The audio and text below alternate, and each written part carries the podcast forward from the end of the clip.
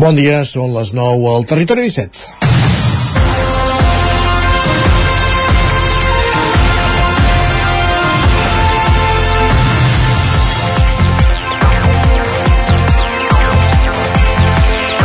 L'Escola de Noves Oportunitats al VIR ja ha graduat els primers 150 alumnes i aprofundíem ahir a l'entrevista amb la directora pedagògica de l'Escola de Noves Oportunitats d'Osona i el Ripollès, impulsada per diferents estaments públics i les organitzacions empresarials amb l'objectiu de fer front a una realitat. Cada any, un miler d'alumnes deixen els estudis reglats de secundària. L'objectiu de l'escola, com recordava i Clàudia Anglada, no és tant inserir aquests joves al mercat laboral, que en alguns casos és una sortida, com retornar-los al sistema educatiu per assegurar-los una titulació acadèmica. L'aposta és un pla adaptable i personalitzat perquè d'alguna manera flori el talent d'un jove a qui els mètodes del sistema educatiu reglat no han estat els idonis. Abordar aquesta problemàtica en una edat complexa és clau per afrontar el futur d'aquests joves que d'altra manera poden quedar fora del sistema massa d'hora i en un moment on falten professionals a tot arreu és una manera més d'encaminar-los cap a feines que els puguin fer sentir útils i, compresos. És massa d'hora per fer balanç perquè tot just acaba el primer curs, però el que és segur és que les noves oportunitats són un recurs més que feia falta i que cal aplaudir. És dimarts 26 de setembre de 2023 en el moment de començar el Territori 17 a la sintonia de la veu de Sant Joan, Ràdio Cardedeu, Ona Codinenca, Ràdio Vic, el 9 FM i també ens podeu veure a través de Twitch, YouTube, Televisió de Cardedeu, el 9 TV i la xarxa més. Territori 17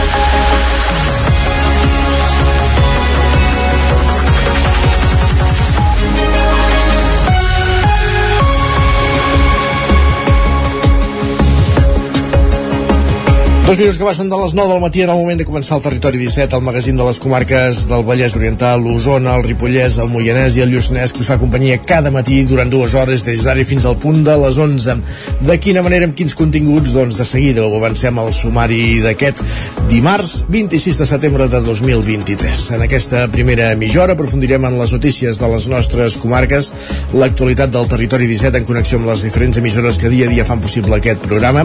També anirem fins a una codinenca per fer un cop d'ull al cel amb el nostre home del temps, en Pep Acosta, per parlar de la situació meteorològica que estem visquent aquesta setmana, primera setmana de la tardor, però que sembla que no hagi avançat l'estiu, que sembla que encara siguem a l'estiu, no hi ha moviment meteorològic i això preocupa. El nostre home del temps, en Pep Acosta, aquí saludarem d'aquí una estoneta. Acabarem aquesta primera mitja hora fent un cop d'ull a les portades dels diaris, anant al quiosc en companyia de Sergi Vives per repassar, per repassar les portades dels diaris del dia, que comença un debat de política general al Parlament i d'altra banda el que alguns ja anomenen la investidura fake d'Alberto Núñez Feijóo com a president del govern espanyol perquè d'entrada no té els suports necessaris per sortir investit president del govern central. A partir de dos quarts de deu pujarem al tren a la Trenc d'Alba amb l'Isaac Muntades recollint les cròniques dels oferts usuaris de la línia Barcelona-Granollers-Vic, Ripoll-Puigcerdà, l'R3 i ens quedarem encara al Ripollès per l'entrevista. Avui parlaran, parlem del festival Inspira, que se celebra aquest cap de setmana a Ripoll amb noms, de, amb noms destacats del panorama musical del país. I acabarem, completarem aquesta primera hora del programa parlant de la Diada Modernista de Cardedeu, de la mà d'Enric Rubio, trepitjant al carrer avui amb la connexió que fem a, a l'exterior dels, estu dels estudis de les emissores del territori 17. Notícies a les 10, la previsió del temps i parlarem de balances fiscals a la secció d'Economia a partir d'un quart d'onze amb en Joan Carles a Redondo, després que la setmana passada el govern català presentés la situació d'aquestes balances fiscals des del seu punt de vista. Les del govern central, evidentment, no les coneixem perquè tampoc les són públiques. Noti eh, a partir de dos quarts d'onze, recte final del programa, ens endinsem primer a Twitter i acabarem amb el racó de pensar amb la Maria López, avui una setmana més molt ben acompanyada eh, en el podcast del racó de pensar parlant del malbaratament alimentari en companyia d'Ada Parellada, Maite Molina i Àngels Roca.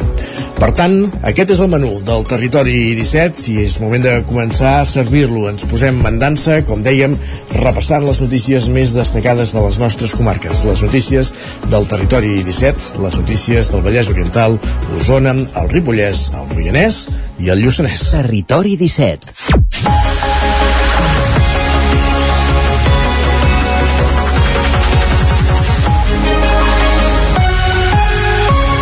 I us expliquem a aquesta hora que l'alcalde de Vic, Albert Castells, anuncia que inicia una ronda de contactes per començar a trobar el suport necessari per aprovar els pressupostos de 2024. Sergi Vives.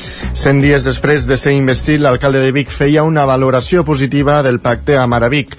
Després d'un evident festeig amb el Partit Socialista i preguntat per aquest mitjà, l'alcalde ha volgut deixar clar que en aquest procés cap partit serà prioritari veiem eh, capacitats i esperançats eh, d'arribar a un acord els propers dies i per això he dit que no havent-hi cap grup eh, preferent perquè, perquè evidentment ens devem a la diversitat que els ciutadans va triar aquests eh, set grups municipals a la llista de tasques iniciades durant aquests 100 dies ja hi figura, per exemple, la d'establir contacte amb les grans ciutats del país com Girona per temes de llengua, Lleida per temes de bioeconomia o amb Barcelona per qüestions mediambientals. A la llista de reptes, en canvi, Castells ha parlat de seguretat i convivència. Hem sol·licitat ja al conseller d'Interior, Joan Ignasi Helena, una junta de seguretat per aquesta tardor, per poder trobar l'administració, dotar l'administració local de més eines per combatre accions delinqüencials i conductes incíviques, com per exemple exemple, la problemàtica dels patinets elèctrics. Una altra de les preocupacions del mandat d'Albert Castell se centrarà en l'ús de la llengua catalana a la ciutat. En aquest sentit, ha avançat que el consistori està treballant en un pla d'acció per fomentar-lo en tots els àmbits. I també fa 100 dies que el govern socialista, que el PSC governa en minoria a l'Ajuntament de Cardedeu i els pactes entre els partits de l'oposició que s'han intentat forjar des del mateix moment de les eleccions continuen encallats. Enric Rubio, Ràdio Televisió Cardedeu. Després de les eleccions municipals del passat 28 de maig, es va formar al municipi un govern socialista gràcies al 26,86% dels vots, liderat per Josep Quesada, amb 5 regidors, juntament amb l'únic regidor de Gent pel Canvi, amb el 5,6% dels vots. Actualment, el govern de Quesada porta mesos governant en minoria. A mitjans d'agost es van reunir Esquerra Republicana, la CUP i Junts per negociar sobre un possible pacte independentista. A part de posar en comú els punts dels diferents programes, el pacte d'Esquerra i Junts partia de la idea de poder investir com a alcalde dos anys al candidat de Junts i dos anys al candidat d'Esquerra, cosa que era una línia vermella per la CUP. Ens ho expliquen Blai Taverner de la CUP, Xavier Orozco de Junts i Joan Masferrer d'Esquerra.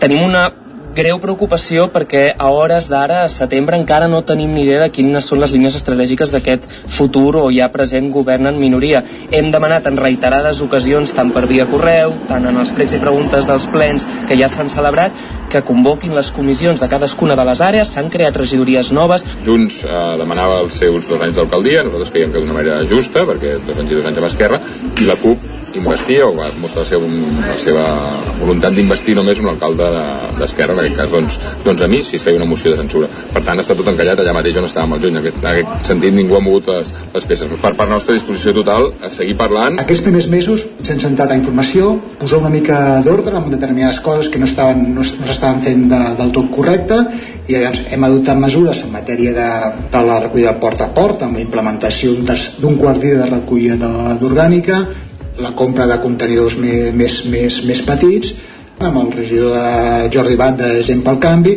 hem buscat un espai pues, per, a, per ubicar un casal d'avis aquest dijous a dos quarts de set de la tarda es podrà seguir el ple ordinari, on es portaran a la taula dues mocions presentades per la CUP per restituir l'estelada de l'Ajuntament i perquè es declarin persones no grates a tots els policies infiltrats en moviments populars.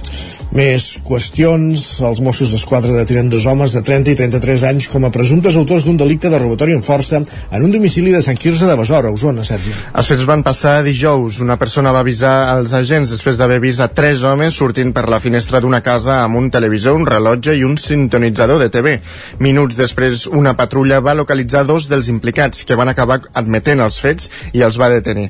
Els objectes recuperats es van retornar al seu propietari i la investigació continua oberta per tal d'identificar i detenir el tercer implicat. Els detinguts van passar dissabte a disposició del jutjat d'instrucció en funcions de guàrdia de Vic. I els expliquem també a aquesta hora que una gran operació policial ha permès desarticular, o de fet ho avançàvem ahir, una organització internacional que traficava amb animals i que entre altres punts operava a Sant Feliu de Codines. Roger Rams, hi ha novetats respecte a aquesta operació. Bona Codinenca.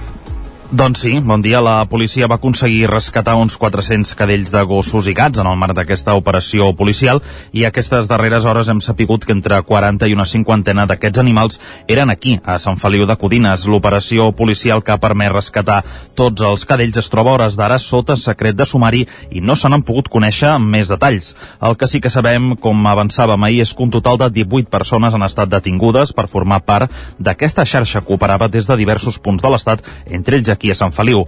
Els detinguts estan acusats ara de maltractar animals per després vendre'ls de manera il·legal.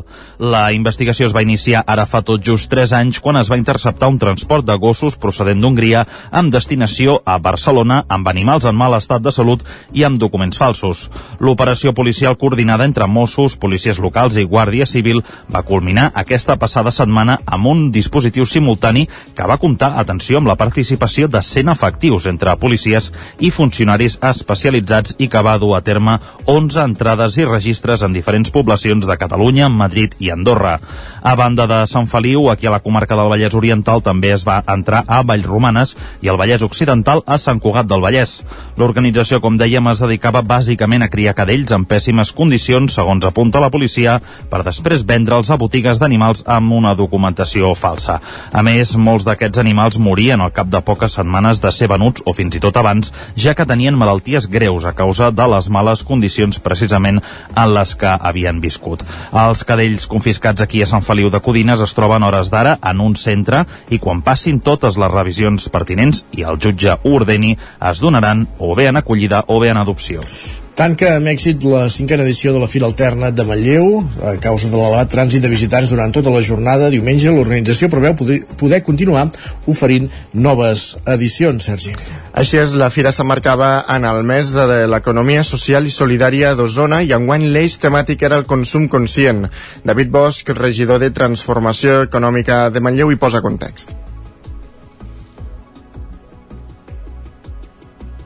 Quan parlem de l'economia social estem parlant des de petits tallers o petits eh, bueno, o autònoms que fan un, algun producte o un servei però també doncs, grans eh, empreses més grans que donen serveis d'un tercer sector que és molt important i que acaba sent també complementari a l'economia convencional i que cada vegada va agafant doncs, més, més musculatura sota l'organització de les entitats de la xarxa Alternet per l'economia social i solidària i amb el suport de l'Ajuntament de Manlleu, més enllà de la mostra d'entitats, la venda i el tas de productes va ser el punt de trobada de les diferents comunitats i iniciatives empresarials. In situ hi havia Marc Carrera de Polen Edicions i Cardan Cultura i Mireia Ribas, gerent de l'associació Tapís.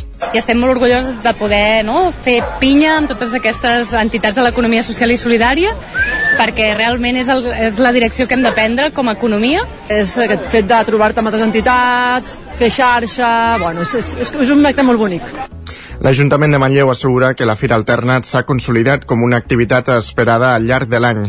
També apunten que des del consistori esperen poder continuar oferint-ne noves edicions. I encara Osona Roda viu tres dies intensos de festa major. Totes les activitats es van concentrar entre divendres i diumenge. Precisament divendres, el periodista Joan Serra va protagonitzar un emotiu pregó.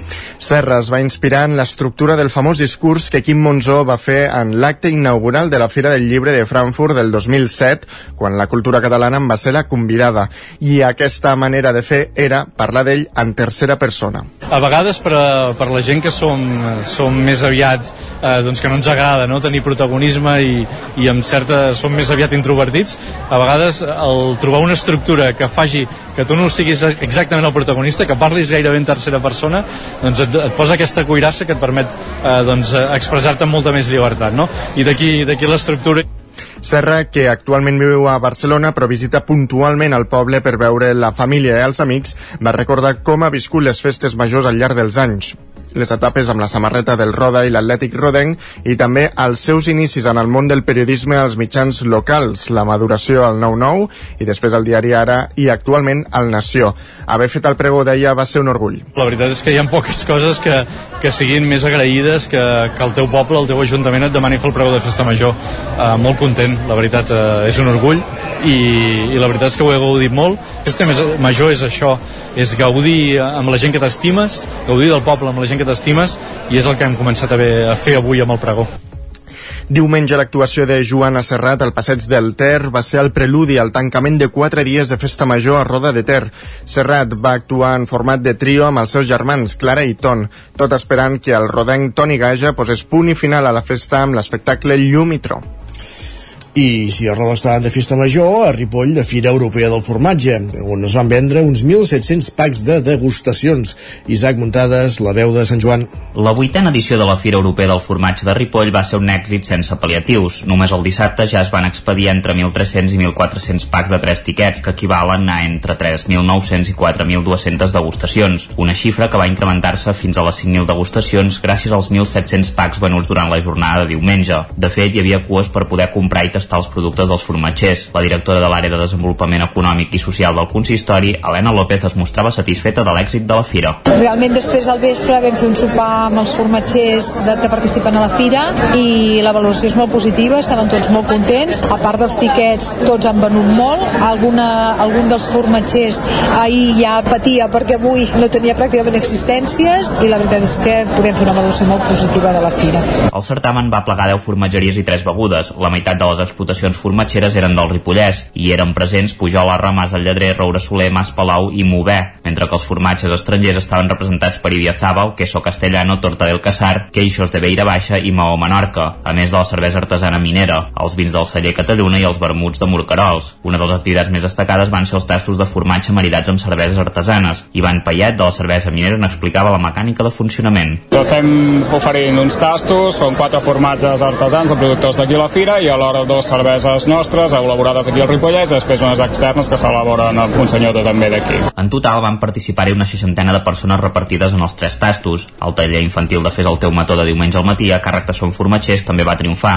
La responsable de la botiga, Neus Puigpell, explicava en què consistia el taller. L'emmotllat, el mató és fet d'aquest matí amb llet de la nostra granja i el fet que estigui tan fresca doncs ja es nota molt amb el gust. És un altre punt fort que té aquest taller que és el mató amb, pues, com el gust d'abans. Els autocaravanistes també van omplir un cop més la devesa del Pla.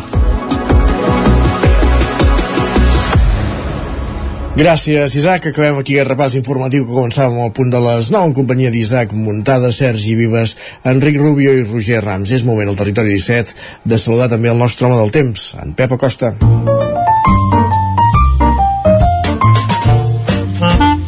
Casa Terradellos us ofereix el temps. Per tant, anem fins a una codinenca. Pep, benvinguts, bon dia. Hola, molt bon dia. Com estàs? Què tal?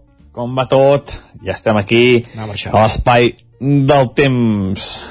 Temperatures mínimes eh, una mica baixes avui, eh, com bé sent la tònica habitual des que hem començat aquesta tardor, però han pujat una mica, han pujat una mica respecte a ahir, i és que la temperatura mica en mica va pujant. Uh, de fet, només uh, s'intueix que és la tardor per aquestes temperatures una mica baixes durant la nit. Uh, és l'únic moment, l'únic moment del dia, de les 24 hores del dia, que podem dir que ha arribat la tardor, uh, perquè ja hi ha més hores nocturnes, vam tenir aquella entrada de vent de nord al cap de setmana, i ha fet que les temperatures mínimes quedin mica tocades. Però també les temperatures mínimes van pujant mica en mica. Com deia, aquesta nit ha fet tant de fred com la nit anterior. Uh, de dia, de dia, ahir uh, moltes temperatures, uh, 26 graus de màxima a Calç de Montbui, uh, 27 de màxima a Vic, uh, moltes, moltes màximes per sobre els 25 graus a totes les nostres comarques. Unes temperatures uns 5-6 graus més altes del que tocaria per aquestes eh, dates. Eh, realment eh, tenim aquí sobre un estiu, eh, és un estiuet el que tenim a sobre i n'hi ha per dies i dies. I avui encara les temperatures pujant una mica més. No hi haurà gairebé ni un núvol durant tot el dia, ni un núvol, molt de sol, i aquesta falca anticiclònica que domina tota Europa, que es, es, es fa forta, eh, continuarà i no es mourà. Eh, pressions molt altes, a més, si teniu mal de cap, una mica de mal d'ossos, és normal perquè aquestes altes pressions que tindrem a sobre nostra seran molt i molt importants un anticicló molt potent el que tenim a sobre nostra, eh? recordeu això, eh? si, si tenim el de cap, eh, jo en tenia ahir i és, és, és per aquest, aquest potentíssim anticicló que tenim a sobre. Avui les màximes, eh, novament per sobre els 25 graus, a gairebé tot, totes les comarques, totes les poblacions, fins i tot a prop del, dels 30 graus a moltes, moltes poblacions. Fins i tot cap a prelitoral algun valor superarà aquests 30 graus. Com deia, ni un núvol, eh, vents de, del sud, una mica del sud, eh, vents càlids, que mica en mica s'aniran imposant cada vegada més i la temperatura de cara a finals de setmana encara pujarà més que avui. I eh, almenys puja uns 10 dies sense ni una ni una gota. I això és tot. Uh, intentar passar com es pugui aquest, aquest estiu que tenim a sobre i aviam si arriba la pluja, uh, la neu i el fred. Però d'augment no es veuen per enlloc. Moltes gràcies. Adeu. Gràcies a tu, Pep. Parlem d'aquí una estoneta. El que fem tot seguit és anar cap al quiosc. Casa Tarradellas us ha ofert aquest espai. Territori 17. Envia'ns les teves notes de veu per WhatsApp al 646 079 023. 646 079 023. WhatsApp Territori 17.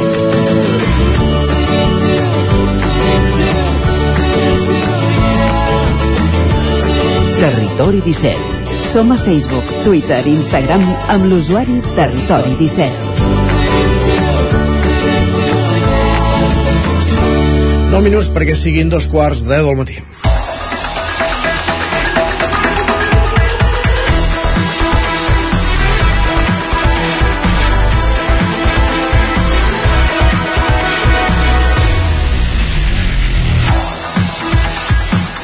Com deia, moment d'anar al quiosc. Sergi Vives, què diuen avui els diaris a les seves portades? Bueno, tu pots imaginar Sí? que Doncs va. Feijo és el clar protagonista d'avui. I, I encara de començar el debat, imagina't. Exactament, i si ho seguirà sent aquesta setmana segurament. Bueno, en fi.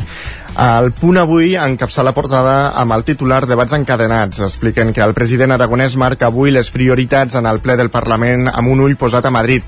Paral·lelament, Feijo aspirarà a la investidura que ell mateix dona per perduda.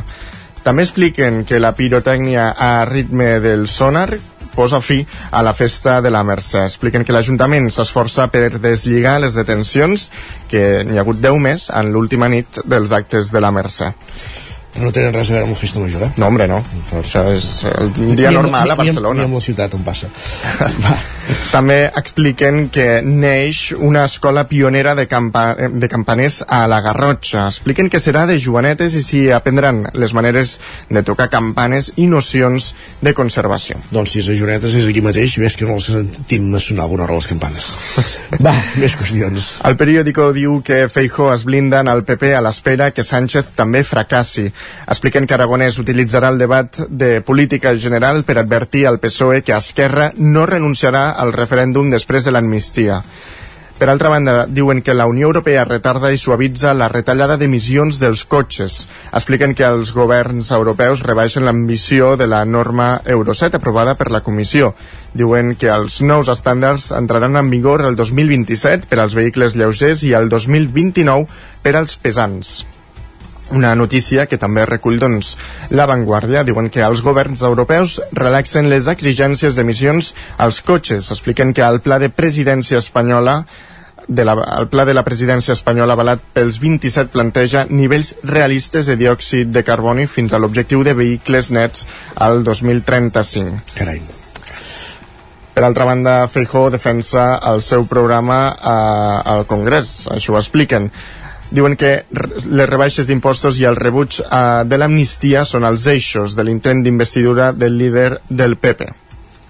I l'ara explica que Feijó es presenta a la investidura amb regust de derrota.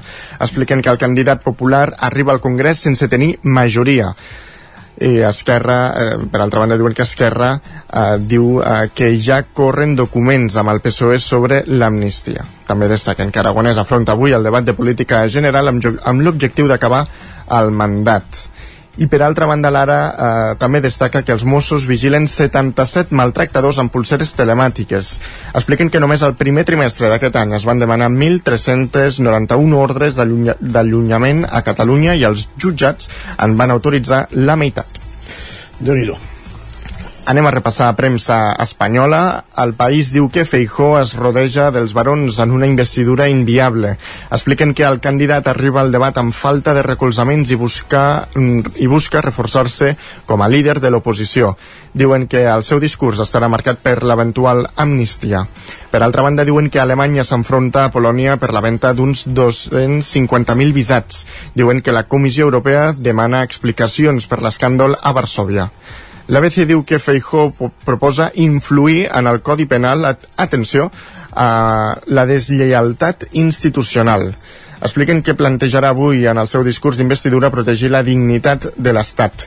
Defensarà, afegeixen, incrementar les penes per malversació i recuperar el delicte de sedició. El Mundo diu que Feijó implica a tot el PP per marcar un abans i un després. Expliquen que el líder popular oferirà avui una alternativa a l'amnistia i al separatisme en el discurs més important de la seva vida. Afegeixen que els dirigents més ideològics del partit porten cinc setmanes elaborant-lo. Per altra banda, destaquen que la violència masclista registra la seva pitjor dada d'assassinades en 13 anys. Expliquen que la meitat dels agressors són estrangers i només el 20% de víctimes havien denunciat. I acabem amb la Razón, que diu que Feijo examina el seu pla polític front a la indignitat expliquen que el candidat popular re, mm, repartirà el seu temps entre presentar el seu programa de govern i censurar el pacte de Sánchez amb Puigdemont. Afegeixen que els dirigents territorials tornaran a Madrid per recolzar-lo, com ja van fer el passat diumenge en l'acte del PP. Doncs queda tot recollit, aquests són els titulars que podem llegir a les portades dels diaris que avui trobem al quiosc, fem un cop d'ull per això ara, els digitals, a l'edició d'Osona i el Ripollès, del 99.cat. Doncs ens expliquen que hi ha hagut dos detinguts per robar a una casa de Sant Quirze de Besora. Ho hem explicat abans a l'informatiu i a l'edició del Vallès Oriental. Doncs destaquen que escoles de Granollers aposten per transformar els patis en espais més naturals i diversos. Perfectíssim, gràcies Sergi, parlem d'aquí una estona, nosaltres avancem al territori 17, tot seguit el que fem és una petita pausa, però tornem de seguida eh, pujant al tren, a la trenc d'Alba, amb l'Isaac Montades, recollint les cròniques dels oferts usuaris de la línia de tren Barcelona-Granollers-Vic Puigcerdà, la línia del nostre tren de cada dia, i després a l'entrevista parlem del festival Inspira, que promou eh, la Fundació MAP de Ripoll i que se celebra aquest cap de setmana, com dèiem, amb un cartell de luxe. En parlarem a l'entrevista del Territori 17. Serà, res, tot seguit, després d'aquesta petita pausa, 3 minuts, i tornem a ser aquí amb, amb tots vosaltres. Fins ara mateix. El nou FM, la ràdio de casa, al 92.8. Amb Pradell estalvio energia i cuido la meva butxaca i el medi ambient. Posa't en mans a Pradell, són experts en calderes de gas i condensació, estufes de pèl·let, energia solar, terres radiants i geotèrmia. Pradell instal·la calderes de biomassa per a particulars i per a empreses. Si vols estalviar un 50% en consum, contacta amb Pradell i passa't a les energies renovables. Pradell som a l'Avinguda Països Catalans 27 de Vic. Telèfon 93 885 1197. Pradell.cat. La qualitat de les teves impressions és important per tu? Estàs cansat que els colors i les imatges no surtin com t'esperes? A Impremta Mater disposem de la tecnologia més avançada i els millors professionals per aconseguir impressions d'alta qualitat. Fem tota classe d'impresos amb acabats professionals. Llibres, catàlegs, revistes, tesis, calendaris, enquadernacions... I, a més, disposem del servei d'impressió digital en gran format. Roll-ups, lones, pòsters i molt més. Impremta Mater. Ens trobaràs a la carretera de Sant Hipòlit 23 de Vic o impremtamater.com. Si t'agraden les antiguitats, vine a l'1 d'octubre al recinte Firal al Sucre de Vic. A la descarregada de Vic hi trobaràs mobiliari, objectes de decoració, peces d'art, joies, eines, llibres i moltes coses més. Descarregada d'Antiguitats de Vic, diumenge 1 d'octubre, de 8 del matí a 2 del migdia. Sorteig d'un obsequi entre tots els visitants. T'hi esperem.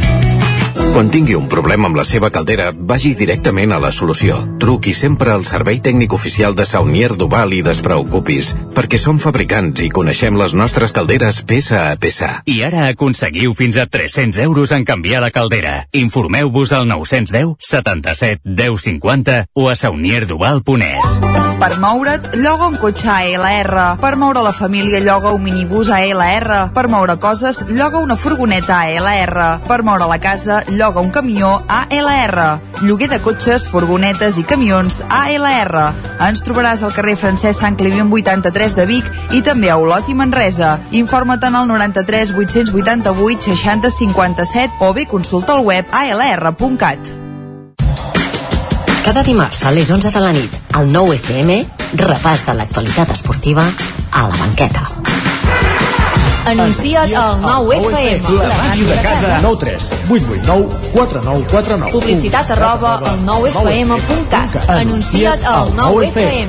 La publicitat més eficaç. El 9 FM, el 9 FM, el 9 FM, el 9 FM. Territori 17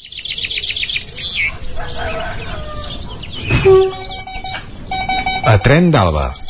Cada dia els usuaris i usuàries de la línia R3 de Rodalies que veuen sortir el sol des d'un vagó ens expliquen les gràcies i les penes del primer comboi que uneix Ripoll i Barcelona o les feixugues jornades amb el tren després de treballar.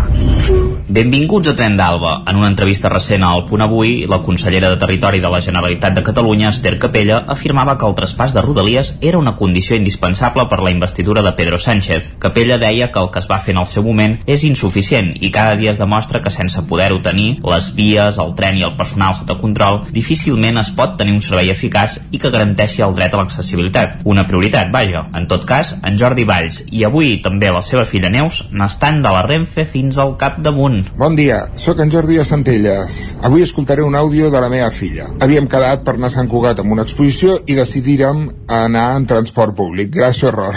Què podia sortir malament? Renfe, com sempre. Escoltareu l'àudio, està enfadada perquè no podem fer-ho, al final hem de, he de pujar jo a Vic i finalment us demano com a reflexió que penseu aquest àudio que en comptes de ser una sortida cultural fos per anar a una entrevista de feina. D'acord? Apa, us la deixo aquí. De veritat que estic farta de la Renfe, no puc més. M'han eliminat el tren. Llavors m'he pujat a Vic perquè he dit a veure si aconsegueixo arribar a l'E12, però és que el tren a sobre s'ha estat 15 minuts parat a Balanyà i no he arribat a l'E12. En plan, l'he vist passar literal per davant dels meus morros quan he sortit per, de l'estació corrent. I ara m'he d'esperar, que m'ho greu de veritat, que no puc més amb la Renfe. M'he d'esperar fins a les 12 i mitja aquí a Vic perquè fins a les 12 i mitja no tinc absolutament res de transport. He mirat també el 406 a veure si hi havia alguna cosa, encara que sigui ben de parar a Granollers, res, ha absolutament res. Ho sento molt, de veritat. No, no era la meva intenció. Volia ser-hi com molt tard a les 11 i mitja, però la Renfe no ha col·laborat gens, com sempre. S'han de fer autèntics malabars per arribar als llocs, i tot i això, a vegades tampoc s'hi arriba. És dramàtica aquesta situació. Va, ens retrobem demà amb més històries del tren i de l'R3. Territori 17 Dos minuts i mig que passen de dos quarts de deu del matí.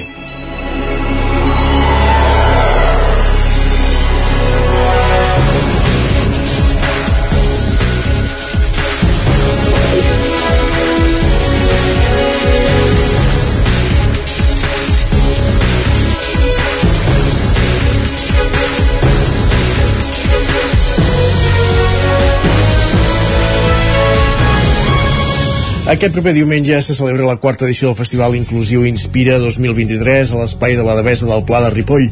L'Inspira, organitzat per la Fundació MAP amb la col·laboració de l'Ajuntament de Ripoll i enguany també amb el Departament de Cultura, tindrà capacitat per a 5.000 persones i repetirà el format horari de l'any passat, començant a les 11 del matí i acabant a la 1 de la matinada amb un munt d'activitats per a totes les edats. La veu de Sant Joan, Isaac Muntades, Bon dia. Bon dia, Isaac. Doncs sí, avui per parlar de l'Inspira tenim amb nosaltres a les dues tècniques de comunicació de la Fundació MAP, la Marta Roder i la Laura Caballero, que ens detallaran tot el programa complet del festival d'enguany. Moltes gràcies a les dues per ser amb nosaltres al Territori 17 i aclarir un moment que ens hem colat i és dissabte, eh, el festival. Perdoneu perquè és error meu, això. Vull dir que sí que, que ho hem de dir, eh? que, no ens, que no ens equivoquem. Bon dia a les dues. Bon dia. Uh, hem dit que el festival uh, té un aforament per a, per a 5.000 persones, uh, 5.000 entrades disponibles. No sé si ja heu penjat el cartell de, de tot venut, encara podem trobar alguna entrada per a aquells que estiguin més despistats o estan, o estan esgotades i en cas de que encara en quedi alguna, uh, quan, quan costen aquests dies?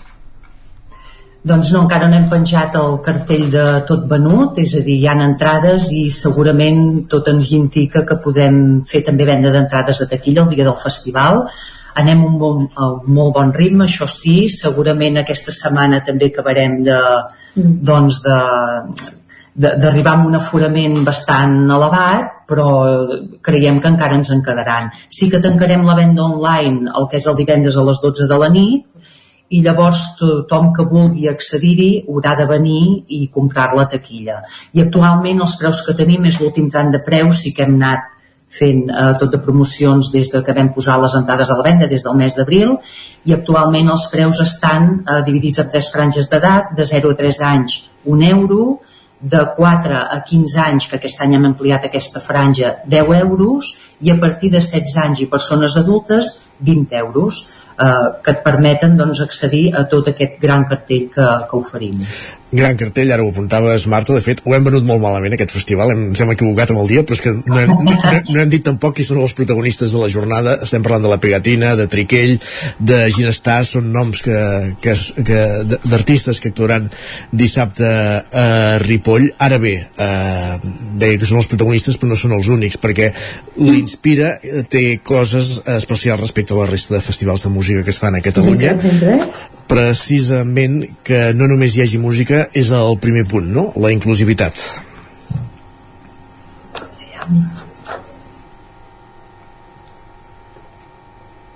No sé si ens sentiu. Hem perdut la, em sembla que s'han sí, quedat congelades. Sí, que han quedat congelades, intentem recuperar aquesta comunicació eh, amb la Fundació MAP de Ripoll, un dels organitzadors, un dels l'impulsor, si més no, del festival l'Inspira, que com dèiem dissabte a la, a la devesa del Pla de, de Ripoll, doncs portarà tot aquest seguit d'actuacions, moltes, eh, les repassarem a, al llarg de, de l'entrevista, però té, que té aquest punt d'especial, de, eh, el fet de ser un festival inclusiu, i ara és el que volíem detallar amb aquestes organitzadores de, del, del, del Festival Impulsa. Eh, com dèiem, eh, mentre recuperem la, ara sembla que hem recuperat la, la connexió amb la Marta i la Laura ens sentiu, eh? Totes dues? Sí, tornem a ser aquí, ens hem quedat congelades, perdoneu. Cosa que no ens passarà aquest dissabte, eh? Esperem que no, no, precisament no. no. Exacte. Precisament aquest dissabte tindrem sol. Molt temps. Imaginem que fa dies que esteu mirant el, el radar meteorològic, d'entrada apunta que aquesta setmana ha de ser totalment estable. El que parlàvem de les, de, del que fa especial aquest festival més enllà del cartell, que és rellevant, n'hem destacat alguns noms, però el punt de la inclusivitat és el que fa especial Inspira? Uh, sí, um, bueno, clar, la, la festa, no, com diem nosaltres, al final la fem per aquest motiu. Uh, L'Inspira té com a objectiu trencar barreres i posar la cultura a l'abast de, de tothom i gràcies també a l'espai que ens ofereix la Devesa del Pla Natural eh, podem començar amb, amb una accessibilitat per persones amb mobilitat reduïda però a més a més doncs, eh, cada any eh, anem afegint anem incorporant no? no, noves coses a nivell d'inclusivitat com és temes de discapacitat auditiva amb bucles magnètics, les motxilles vibratòries eh, tot el tema de lavabos adaptats tot el tema de aquest any amb, com a novetat fem el tema del menjar amb disfàgia persones que tenen problemes d'evolució el tema de llengua de signes eh, sub, eh, subtitu subtitulacions mm, bueno, al, al, al final tot el, tot el que intentem fer amb l'Inspira és que tothom els, amb horaris, amb preus reduïts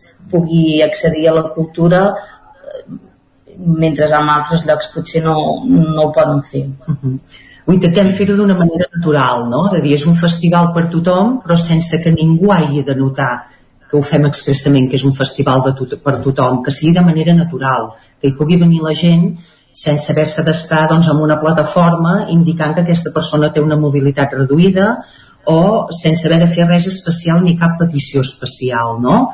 Uh, nosaltres, per exemple, aquest any també destaquem que formem part de la programació de Propa Cultura mm -hmm. i això permetrà doncs, que grups d'entitats eh, catalanes de la discapacitat o és igual, en risc d'exclusió, en situació de vulnerabilitat, que, pugui, que hagin de venir, que vulguin venir amb un monitoratge, tenen una entrada a un preu molt assequible, que és de 3 euros tant per persona com per, per monitor.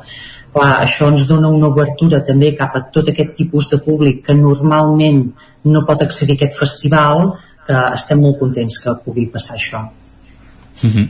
Ja ho hem introduït una mica, l'Isaac ha comentat una mica el tema de, del cartell, que és molt potent, tindrem la, la pegatina, uh, que ja podem escoltar una mica de fons. A part tenim altres, altres grups, no sé quin, quin serà una mica uh, els horaris d'aquest uh, festival, quin, quan podrem veure doncs, uh, els grups principals, que aquest any doncs, és un cartell bastant potent. Uh, mira, doncs, que et faig una mica com, com serà el dia. Hem, la, la gran aposta és la pegatina, que fa 20 anys i dins de, de tot, bueno, Catalunya i territori espanyol és dels pocs llocs on s'aturarà, a, a Ripoll. Uh, començarem al matí al vermut amb Ginestar, amb, amb aquests dos germans que ens agraden molt les seves cançons i llavors al migdia donarem pas al DJ Abadia, que és un noi de, de les terres de Tarragona amb, amb paràlisi cerebral. Uh, llavors sí que farem una mica d'espai per, per descansar i cap a la tarda, que és on s'ajunten més tots els espectacles i els concerts, tindrem l'espectacle de la Fundació MAP, a continuació el gran concert dels petits, que és el Pot Petit, Eh, llavors tindrem l'espectacle al Mur, que és una companyia de circ que fa uns espectacles que ja ens van deixar embogats amb la primera edició. A continuació, eh, Tripell, l'equip d'Eufòria, Liant la Troca, que utilitzaran tot l'espai de l'Inspira. La veritat és que en tenim moltes ganes de descobrir aquest, aquest espectacle i finalitzarem amb el grup La Pegatina i la DJ Fasti. I a part de, de tot això per exemple, eh, m'aturo parlant de, del pot petit que ja havien vingut, no? Vull dir, també és un dels grans reclams eh, pels més petits que heu comentat i, i no és el primer cop que venen, eh? El Pot Petit va quedar enamorat del festival a la primera edició i ja ens va dir que, que comptéssim amb ells eh, per l'any següent. De fet, el primer any va poder fer una part de l'actuació, l'any següent ens van venir de manera altruista, gratuïta, i llavors el següent any ja no van poder venir perquè diu és que tenim la política de no repetir d'un any per l'altre festivals, no?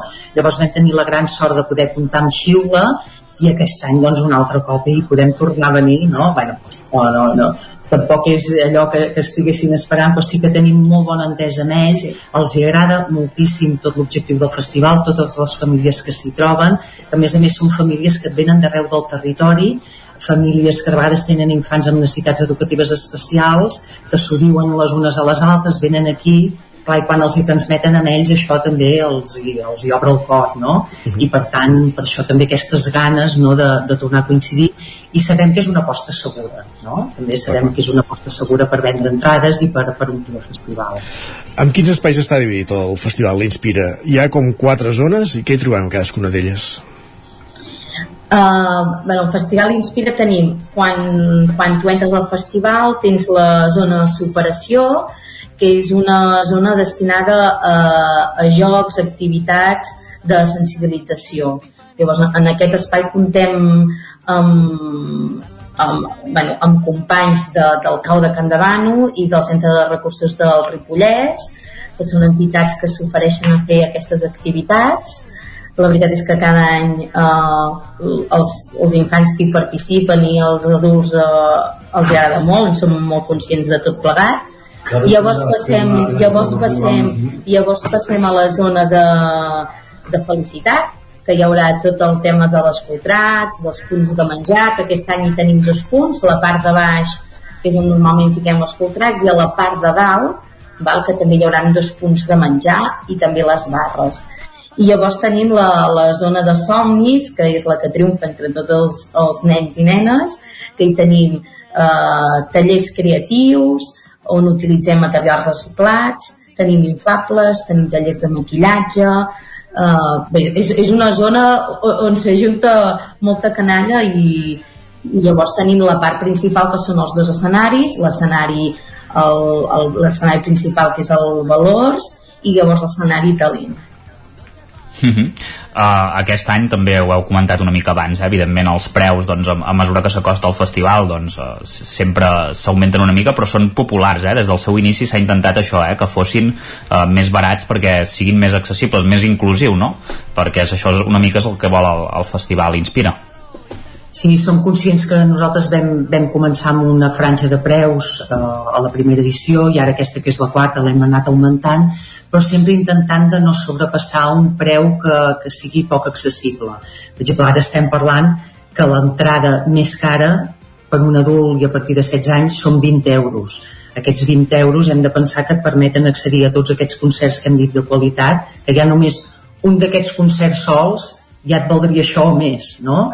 i a més a més amb tot aquest amalgama d'activitats no? des de les 11 del matí fins a la 1 de la matinada que, que tens tot tipus d'oferta i a més a més adaptada no? la Laura com deia doncs aquest espai somnis eh, també tots els tallers estan pensats i amb les adaptacions necessàries perquè els puguin dur a terme doncs, nens amb, amb necessitats diverses també.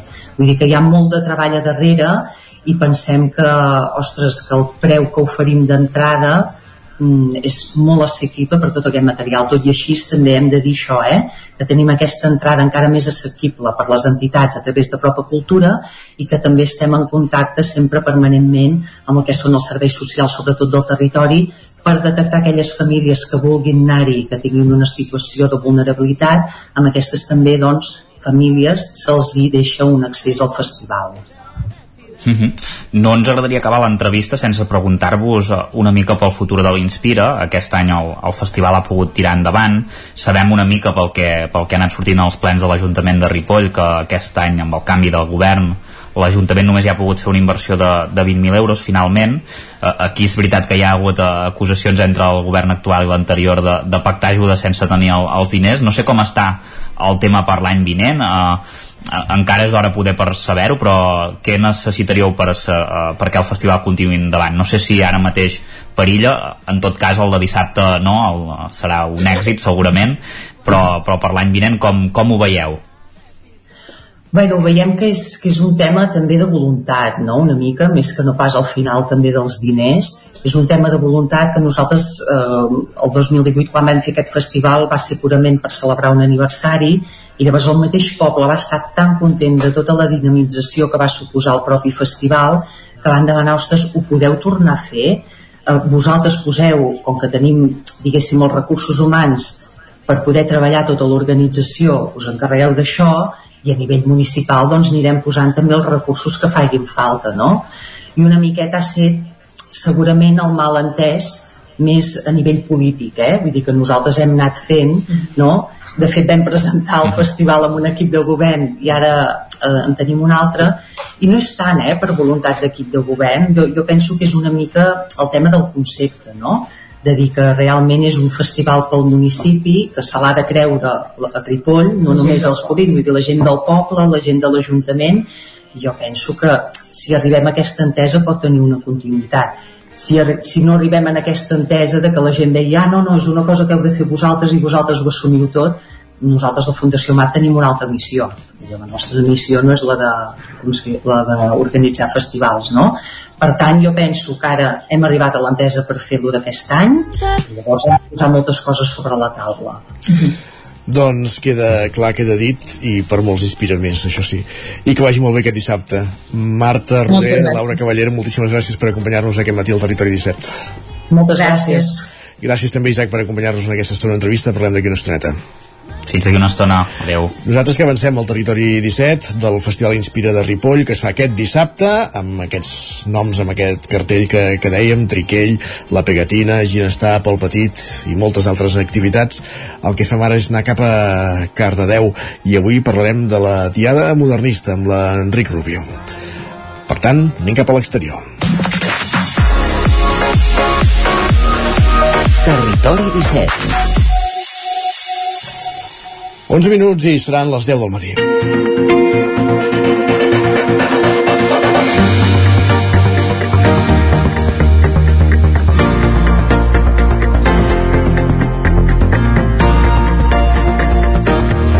El territori 17 del carrer, Enric Rubio, Ràdio Televisió Cardedeu, bon dia, on ets avui? Bon dia, Isaac, com estem? Doncs mira, avui eh, estem eh, molt a prop de Vila Paquita, una de les viles importants i modernistes de Cardedeu. Eh, aquesta vegada no et porto res d'alimentació. Ah, molt bé. Estarem gana avui, doncs vaig. Sí, mira, et comento. Aquest proper cap de setmana tindrà lloc la, la Diada Modernista que ens farà transportar tots els assistents pels vols de Cardeu del 1900. És una de les èpoques més esplendoroses d'aquesta vila i la que va catapultar com a una de les poblacions importants de la comarca i un dels motors econòmics de la zona del Baix Montseny, malgrat aquesta no en formi part. Artesana Social, conjuntament amb el Museu Arxiu Tomàs Balvei, du a terme des de fa molts anys eh, ja aquesta jornada, on tot un seguit de persones es caracteritzen i es transformen eh, en el que era la gent benestant que ocupava les cases modernistes i que encara avui destaquen per la seva arquitectura i els seus jardins privats. I ens trobem precisament per parlar de tot això eh, a prop, com hem comentat, de Vila Paquita, a una d'aquestes cases senyorals, i estem amb Cristina Pla, component d'Artesana Social i una de les persones que fa més anys que participa a la Diada. Hola, Cristina, bon dia. Hola, bon dia a tothom. Eh, M'agradaria que ens situessis una mica eh, en el, el lloc i el que ens trobarem. Quina relació tens amb Artesena i què és en qüestió Artesena? Artesena, jo ja fa 18 anys que estic amb aquest grup amateur. És un grup amateur que ara al novembre celebrem els 20 anys. Fa 20 anys que estem. I bueno, és, és, som amateur i hi ha molta harmonia i som molt bons actors i hem, i hem, hem fet molts bolos, hem anat a Milà i bueno, fem de tot i a l'estiueig fa molts dies, molts anys que ho celebrem Milà, poca broma, eh? I com, com comentes, eh, fa molts anys que, que ja dura la diada modernista. Eh, quan fa que tu personalment en formes part de l'espectacle? Fa 18 anys. 18 anys, déu nhi Ets de les primeres o ben bé la primera sí. que, que hi ha participat. Uh, en què consisteix la diada? Uh, Explica'ns una mica perquè hi ha molts oients, uh, segurament la majoria que ens escolta fora Cardeu, que o li sona però no sap exactament què és. Explica'ns la diada, què s'hi fa, què ens hi trobarem. La diada organitza el Museu de Cardedeu i les primeres escenes es fan en allà, en els jardins del museu. Llavors anem pel carrer vestits de modernistes, jo vaig de pagesa amb el meu cistell, amb el meu vestit de pagesa, que m'encanta, i m'encanta aquest paper, no? Perquè a mi si em donguessin un paper així de senyora no m'hi sento tan bé, un any sí que... Però bueno, i anem a les cases modernistes també i fem actuacions allà, actuem. Llavors, durant tot el dia aneu fent com una itinerància, oi? I aneu passant per diferents llocs i aneu fent, eh, actuant sí. i representant. Sí, el dissabte actuem al, eh, al carrer, a davant d'una floristeria, allà fem, fem un, una escena amb la pagesa, el pagès i la minyona, que és molt maca. Després a la tarda, també, ara no me'n recordo, però també actuem. I el diumenge és més quan actuem a les cases modernistes en els jardins. Així que acabeu entrant dins de les cases, llavors la gent que us segueix també pot veure aquests espais en persona i, i conèixer una miqueta més de prop. Sí, i tant.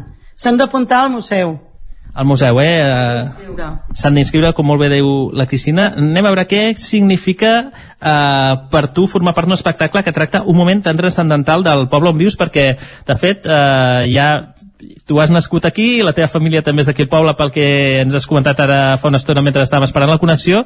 Llavors, què significa per tu formar part d'aquest moment, no? d'aquest espectacle? Ah, a mi m'encanta, a mi m'encanta perquè m'agrada, m'agrada i tenim una bona, una bona direcció, la Olga, que ens porta, i bueno, jo és que m'ho passo molt bé. Som com una família. I tant que sí. Quants, quantes persones formeu part d'Artesena aproximadament? Eh? Sabem que segurament va, va amunt i avall, però ara mateix què podríem estar parlant? O de les persones que participareu a la, a la jornada?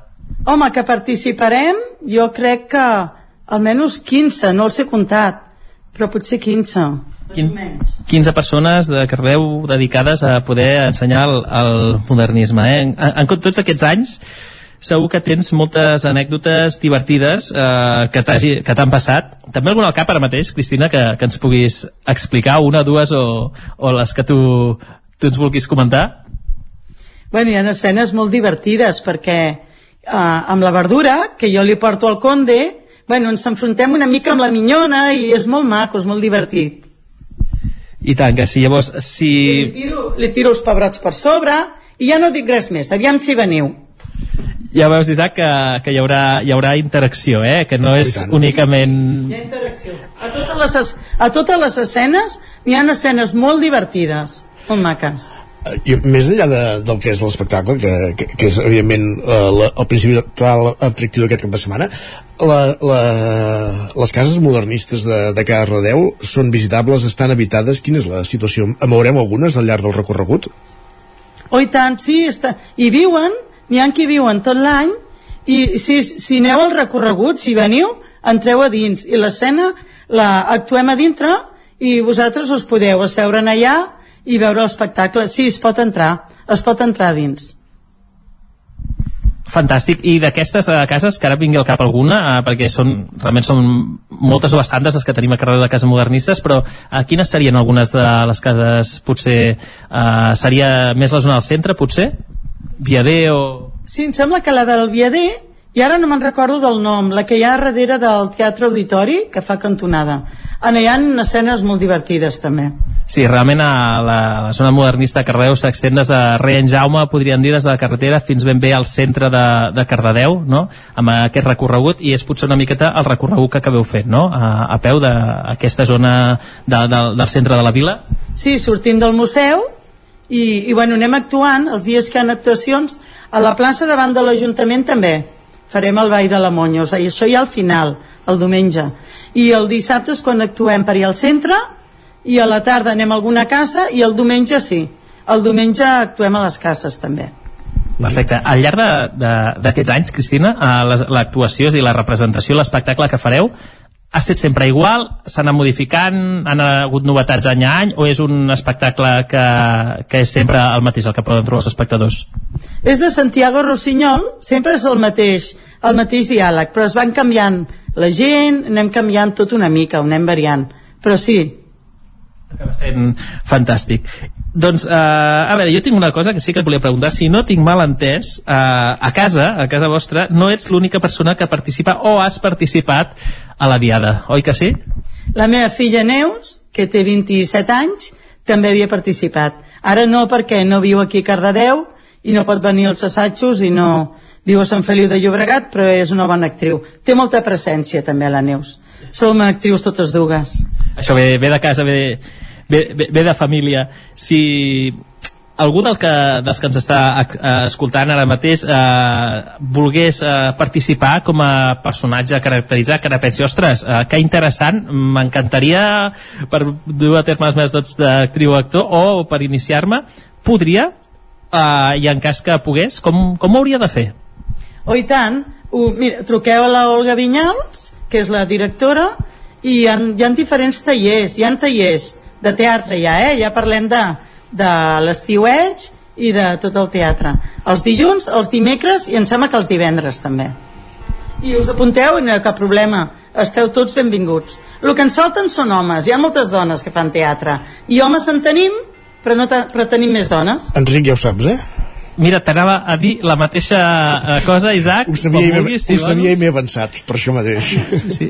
Mira, quan us tinguem per aquí a casa nostra, d'aquí pocs, no masses dies, Deu si dies. vols, eh, mira, els anem a visitar i ens hi apuntem, tots plegats, que de fet... Eh, Uh, per desgràcia, som tothom realment al territori 17, sí, així que mira, exacte. com a mínim podríem participar. Podríem fer un... Si us voleu inscriure, encantats, eh? estarem encantats i encantades. Molt bé. Jo aniré, aniré picant pedra amb l'Isaac. Uh, hi ha algun, alguna cosa que volguessis preguntar-li potser a la Cristina, Isaac?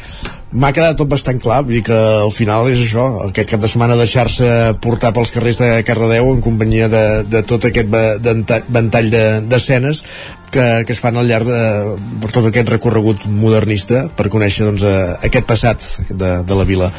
Eh, res, eh, hores clau per, per, per no perdre's detall de les coses més rellevants, Cristina?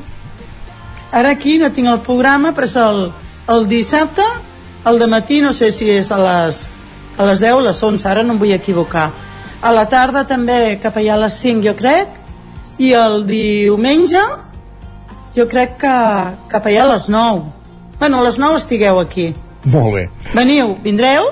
Prenem nota. Jo segur que sí, i Molt tant bé. que sí. Doncs, Enric, Cristina, moltíssimes gràcies eh, per acostar-nos doncs, a aquesta activitat, les jornades modernistes de Cardedeu aquest cap de setmana, amb diverses eh, escenes eh, situades eh, a l'època de, del modernisme, a principis de, del segle XX. Moltíssimes gràcies a tots dos.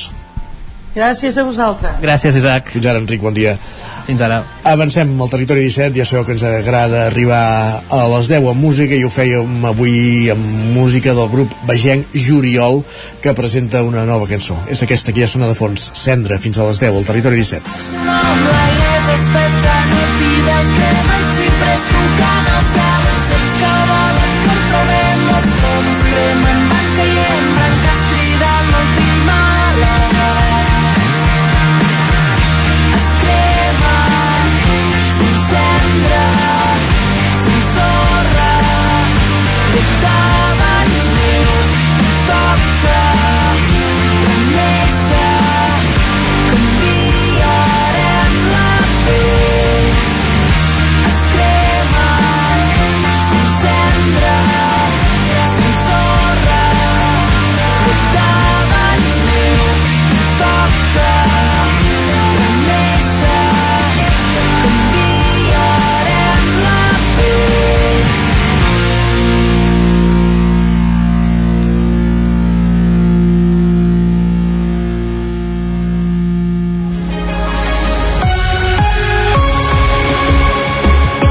és moment al territori 17 de posar-nos al dia d'actualitzar-nos amb les notícies més destacades de les nostres comarques, el Vallès Oriental, l'Osona, el Ripollès, el Moianès i el Lluçanès, i ho fem en connexió amb les diferents emissores que dia a dia fan possible aquest programa, que no són altres que Ràdio Cardedeu, Ona Codinenca, la veu de Sant Joan, Ràdio Vic, el 9FM, i que ens podeu veure també, ja ho sabeu, a través de Twitch, YouTube, Televisió de Cardedeu, el 9TV i la xarxa més.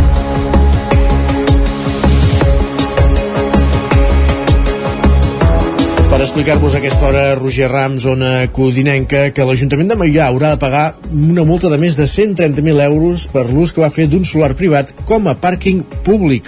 Com dèiem, Roger Rams, zona codinenca. Sí, exacte, Isaac. El cas és que un cop acabat el termini que hi havia estipulat en el contracte inicialment signat entre el consistori, l'Ajuntament va continuar fent ús d'un solar com a aparcament públic. Així ordena la sentència judicial que dona resposta al recurs que va interposar el propietari del terreny que va fer una reclamació d'acord amb una clàusula d'indemnització que hi havia en el contracte de lloguer. Aquesta establia una penalització diària si l'espai estava ocupat més temps de l'acordat.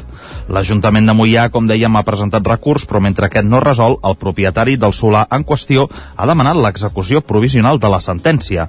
Una petició que, per cert, el jutge doncs, ha acceptat i, per tant, l'Ajuntament de Mollà haurà de pagar aquests 130.000 euros que apuntàvem al titular. El procés fa referència a un solar situa situat al carrer Santa Magdalena, darrere del Cap de Mollà, que durant 13 anys es va destinar a aparcament públic i on també hi havia un punt de contenidors de deixalles. Aquest, per cert, no és el primer cop que propietat i Ajuntament acaben als tribunals.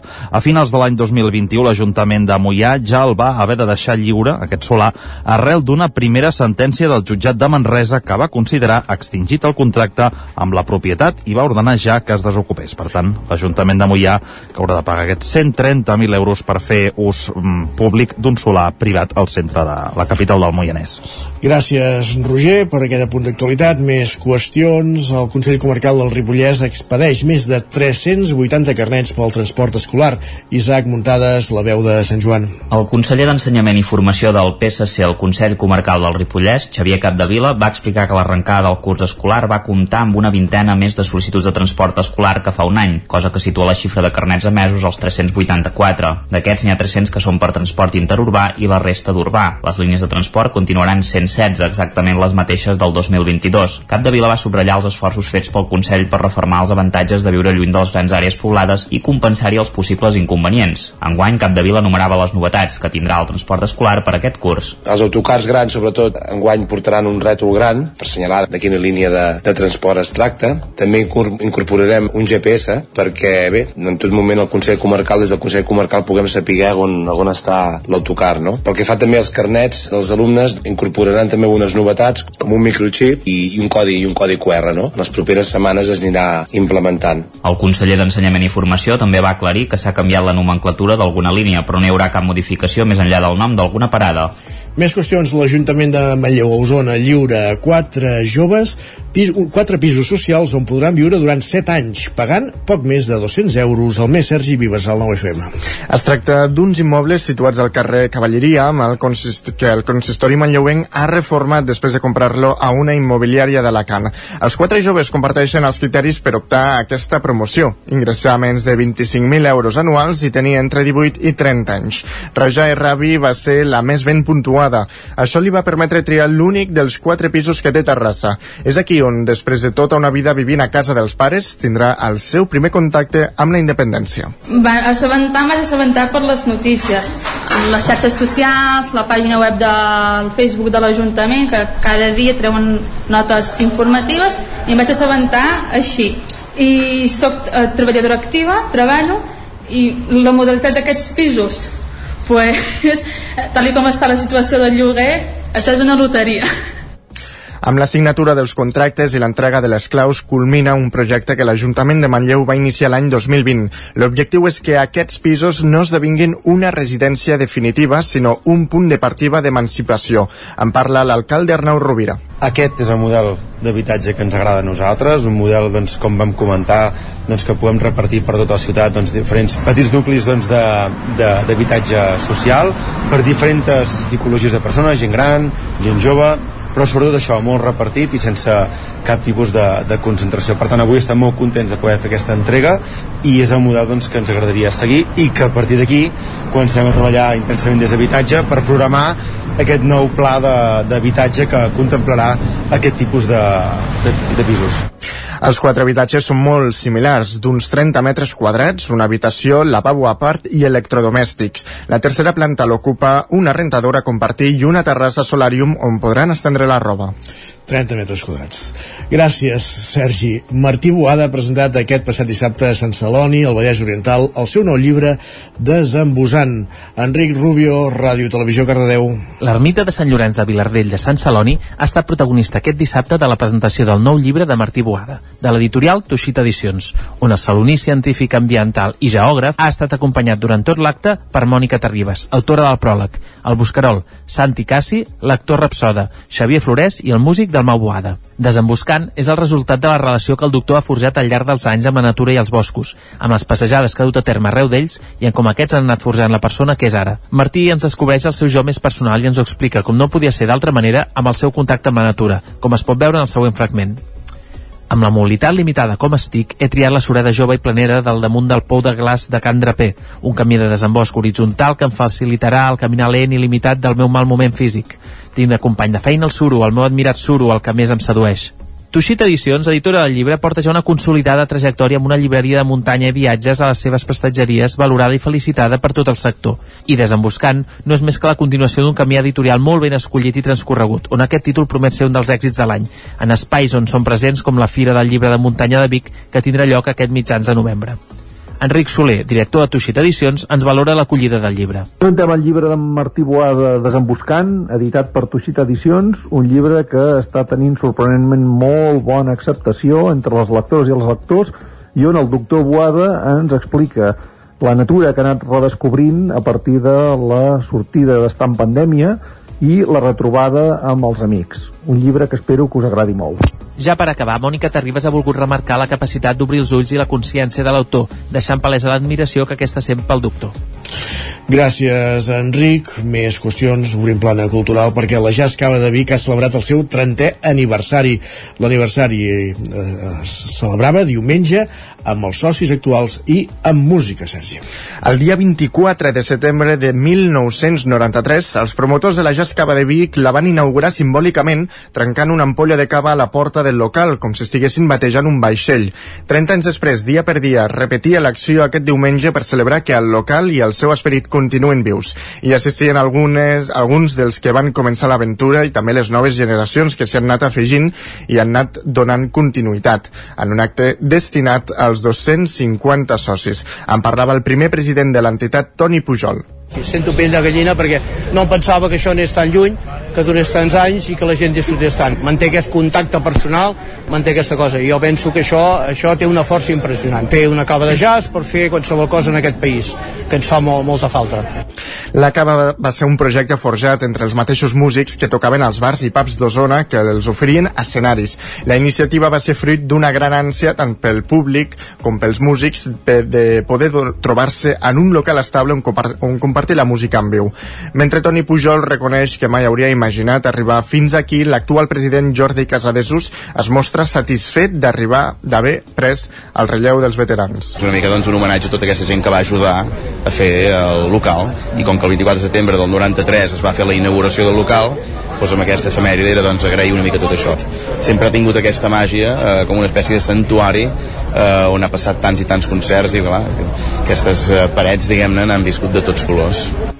La celebració va ser llarga gràcies a les actuacions de Fausto Gramola, la Palma Jazz Band i el contrabaixista Horacio Fumero. Uns clàssics també de, de la jazz cava, sens dubte. Uh, I a Roda de Ter, també a Osona, s'han celebrat tres dies intensos de festa major, han acabat tres dies intensos de festa major. Totes les activitats es van concentrar entre divendres i diumenge. Precisament divendres, el periodista Joan Serra protagonitzava un emotiu, un emotiu pregó. Serra es va inspirar en l'estructura del famós discurs que Quim Monzó va fer en l'acte inaugural de la Fira del Llibre de Frankfurt del 2007, quan la cultura catalana en va ser la convidada, i d'aquesta manera de fer era parlar d'ell en tercera persona. A vegades per, a, per la gent que som, som més aviat eh, doncs que no ens agrada no? tenir protagonisme i, i amb certa, som més aviat introvertits a vegades el trobar una estructura que faci que tu no siguis exactament el protagonista, que parlis gairebé en tercera persona, doncs et, et posa aquesta cuirassa que et permet eh, doncs, expressar-te amb molta més llibertat, no? I d'aquí l'estructura Serra, que actualment viu a Barcelona, però visita puntualment el poble per veure la família i els amics, va recordar com ha viscut les festes majors al llarg dels anys, les etapes amb la samarreta del Roda i l'Atlètic Rodenc i també els seus inicis en el món del periodisme als mitjans locals, la maduració al 9-9 i després al diari Ara i actualment al Nació. Haver fet el pregó, deia, va ser un orgull. La veritat és que hi ha poques coses que, que siguin més agraïdes que, que el teu poble, el teu ajuntament et demani fer el pregó de festa major. Uh, molt content, la veritat, uh, és un orgull i, i la veritat és que ho he gaudit molt. Festa major és això, és gaudir amb la gent que t'estimes, gaudir del poble amb la gent que t'estimes i és el que hem començat a, a fer avui amb el pregó. Diumenge l'actuació de Joana Serrat al Passeig del Ter va ser el preludi al tancament de quatre dies de festa major a Roda de Ter. Serrat va actuar en format de trio amb els seus germans Carla i Ton, tot esperant que el rodenc Toni Gaja posés punt i final a la festa amb l'espectacle Llum i Tro. Gràcies, Sergi. Acabem aquí aquest repàs informatiu que començava amb el punt de les 10 en companyia de Sergi Vives i Isaac Muntades, Roger Rams i Enric Rubio. És moment al territori 17 de saludar de nou el nostre home del temps, Pep Acosta.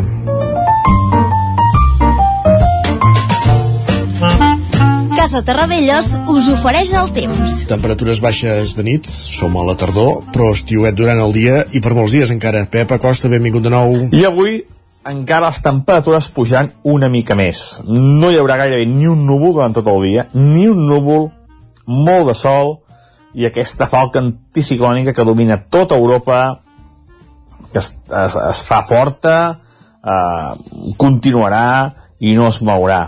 Eh, pressions molt altes, a més, si teniu mal de cap, una mica de mal d'ossos, és normal perquè aquestes altes pressions que tindrem a sobre nostra seran molt i molt importants un anticicló molt potent el que tenim a sobre nostra, eh? recordeu això, eh? si, si tenim mal de cap, eh, jo en tenia ahir i és, és, és per aquest, aquest potentíssim anticicló que tenim a sobre.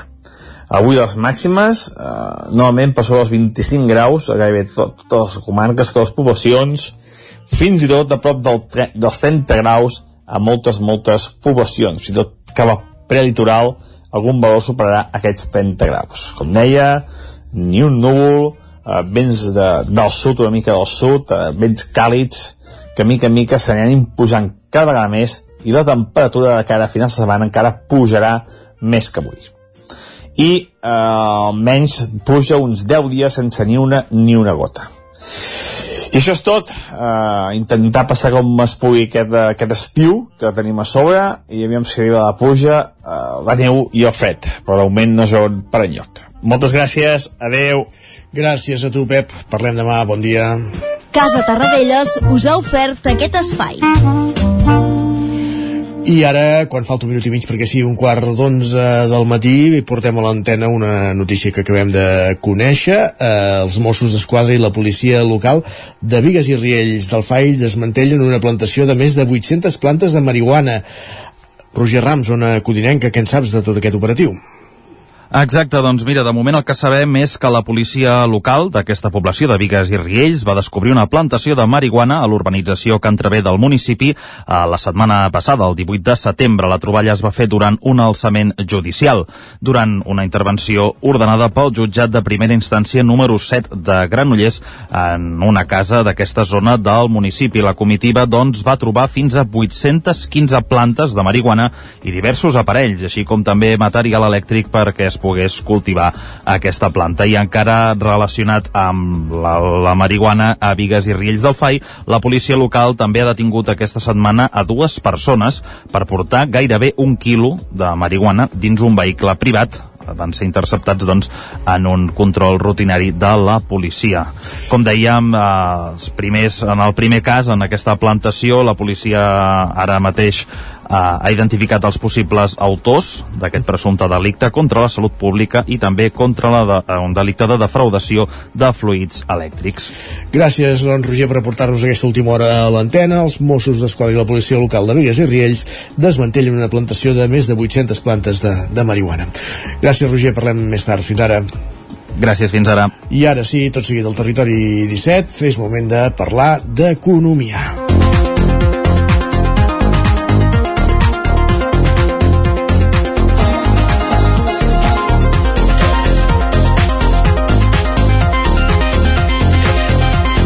Parlem d'economia i parlem de balances fiscals. Joan Carles Arredondo, bon dia.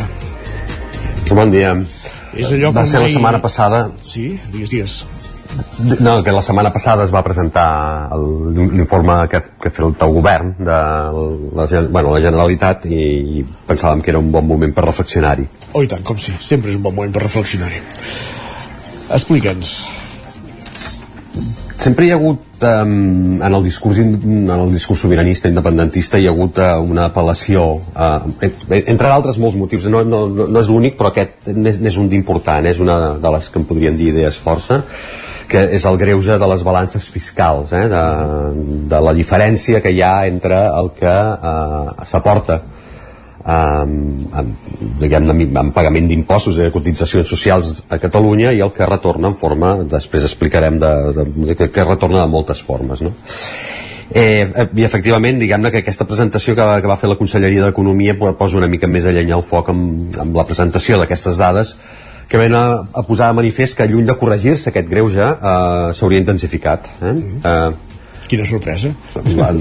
les dades són de 2021 i eleven a 21.982 milions la diferència entre el que l'Estat ingressa i el que destina a Catalunya a través de, de pagaments, de, trans, de transferències, d'inversions, etc. Eh? Eh, aquells 16.500 milions famosos, diguem-ne, s'hauria convertit ara ja en gairebé 22.000. És la inflació, és la inflació.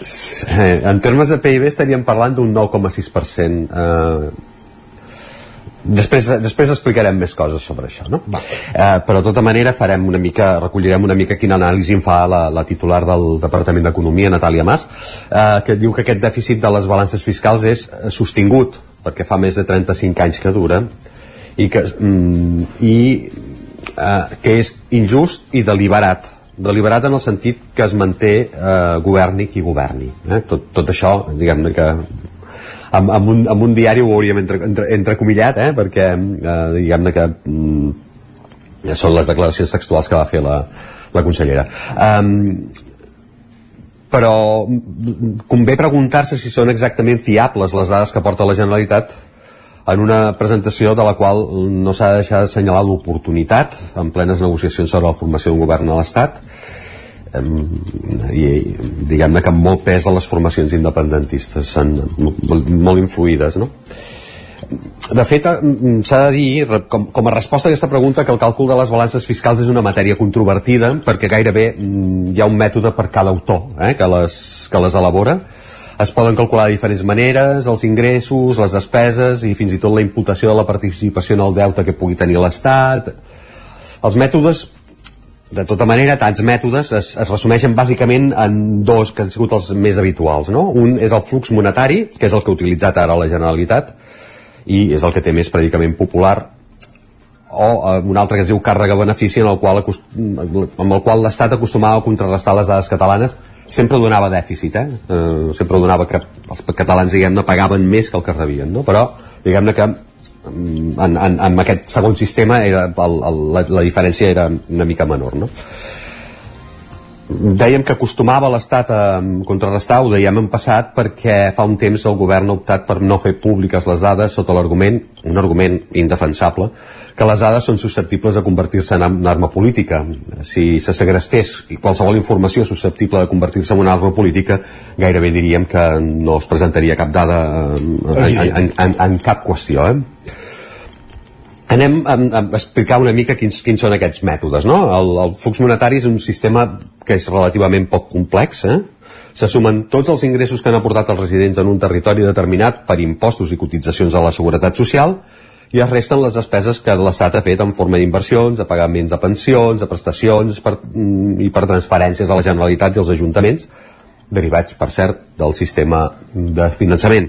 Sistema de finançament eh, caducat i pendent de revisió des de 2014 eh? Eh, diguem-ne que fa una mica fa, fa una mica massa de temps que no s'està revisant això doncs dèiem eh, que aquests pagaments que fa eh, l'Estat sobre directament en el territori determinat aquest és el càlcul de la Generalitat fet a través de vies indirectes perquè això de que dèiem que el govern no aporta les dades i de les estimacions en surt que les exportacions dels residents físics i jurídics a Catalunya sumaven el 2021 set- 75.436 milions d'euros, déu nhi el que es paga, eh? I en el mateix ex- exercici l'Estat hauria fet despeses en inversions, transferències, prestacions, etc per valor de 53.554 mil, milions d'euros. Per tant, el resultat és aquest que, que, que esmentàvem al principi, de 22.000 milions d'euros que se'n van i que no tornen. I no tornen. Hi ha, però, altres mètodes que també són acadèmicament, acadèmicament vàlids i que probablement suavitzarien la corba. El que s'utilitza més freqüentment és aquest que s'anomena càrrega-benefici, en el qual determinats serveis que presta l'Estat no es comptabilitzen necessàriament en un territori determinat perquè es considera que beneficien la totalitat dels residents de l'Estat. Això es podria justificar, eh? Les despeses de defensa són per protegir la totalitat del territori i és independent que un avió militar estigui aparcat a la base de Torrejón de Ardoz si el que fa aquest avió després és actuar, per exemple, en un incendi forestal a l'Empordà, eh? Mm, diguem-ne que això diguem seria un servei per tot, per tothom, um, o la despesa en política anterior, exterior, eh? una ambaixada a París gasta a París, però el benefici seria general, no? Aquests serien exemples més o menys clars, però n'hi ha d'altres en que són més, més, més rebatibles. Eh? Eh, per exemple, si el Museu del Prado compra un quadre, és veritat que pot beneficiar el conjunt de l'Estat, però les visites que genera mm, la compra d'aquest quadre que està al Museu del Prado, mm, la despesa de, dels visitants eh, en en allotjament, eh, el menjar, les canyes, eh? eh No es fa a la Rambla de Barcelona. Es fan a, es fan a Madrid, eh? no es reparteixen a tot, el, a tot l'Estat. Sigui com sigui, aquest mètode acostuma mm, a, a, a repartir el, el benefici que genera cada territori en funció de paràmetres més o menys objectius, eh? generalment per volum de població. Per tant, per cada milió d'euros de, de, de despesa en aquestes partides generalitzables, a Catalunya li tocaria eh, pagar 160.000 euros perquè té més o menys el, el 16% de la població.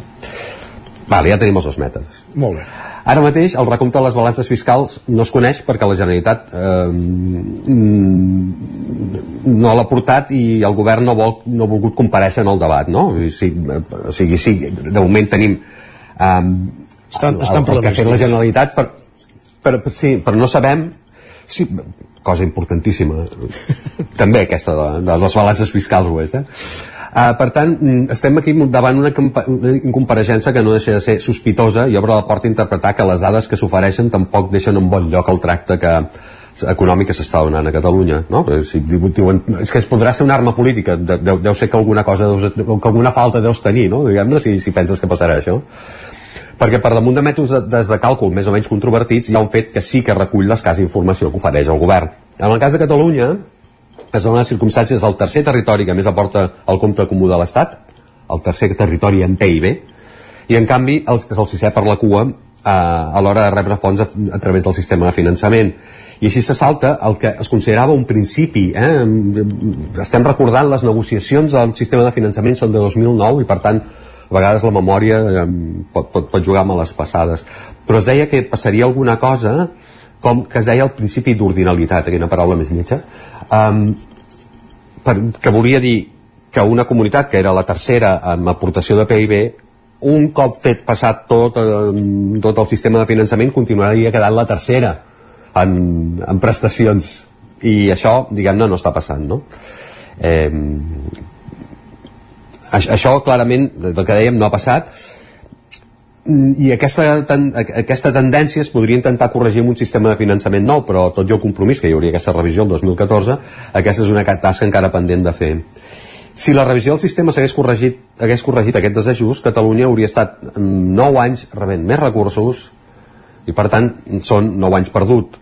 Millor dit, 9 anys de diners perduts, de serveis perduts i sobretot 9 anys d'incomplir aquest principi d'igualtat entre ciutadans que tant pregonen sobretot des de les dretes. Eh? Avui ho sentirem bastant en el, en el discurs del, del presidenciable el, del, del candidat a presidir el govern no? de, de, de, de Núñez Feijo no sí. sortia el nom estic, estic una mica, estic una mica despistat avui és una, una mica una investidura no nata però bueno, ja, ja veurem, ja veurem com fake, acaba no?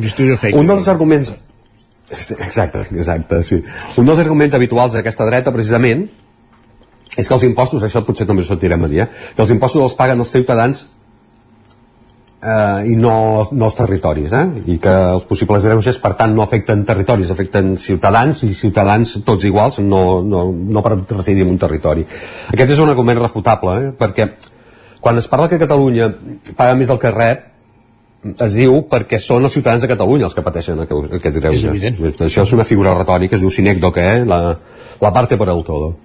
Eh, són ciutadans que pateixen, per exemple, les mancances de Renfe, les, mm, una sanitat que encara no ha recuperat els pressupostos que, que tenia el 2009 abans de la crisi financera, no de la crisi de la pandèmia, eh, de la crisi financera, i ciutadans que mm, els, els veuen, veuen retallades les prestacions perquè el seu govern ha de pagar els interessos d'un deute estratosfèric segurament degut a que no es pot finançar bé, no? Que són 84.000 milions d'euros segons dades del, del BBVA, déu nhi quin endeutament. Sí.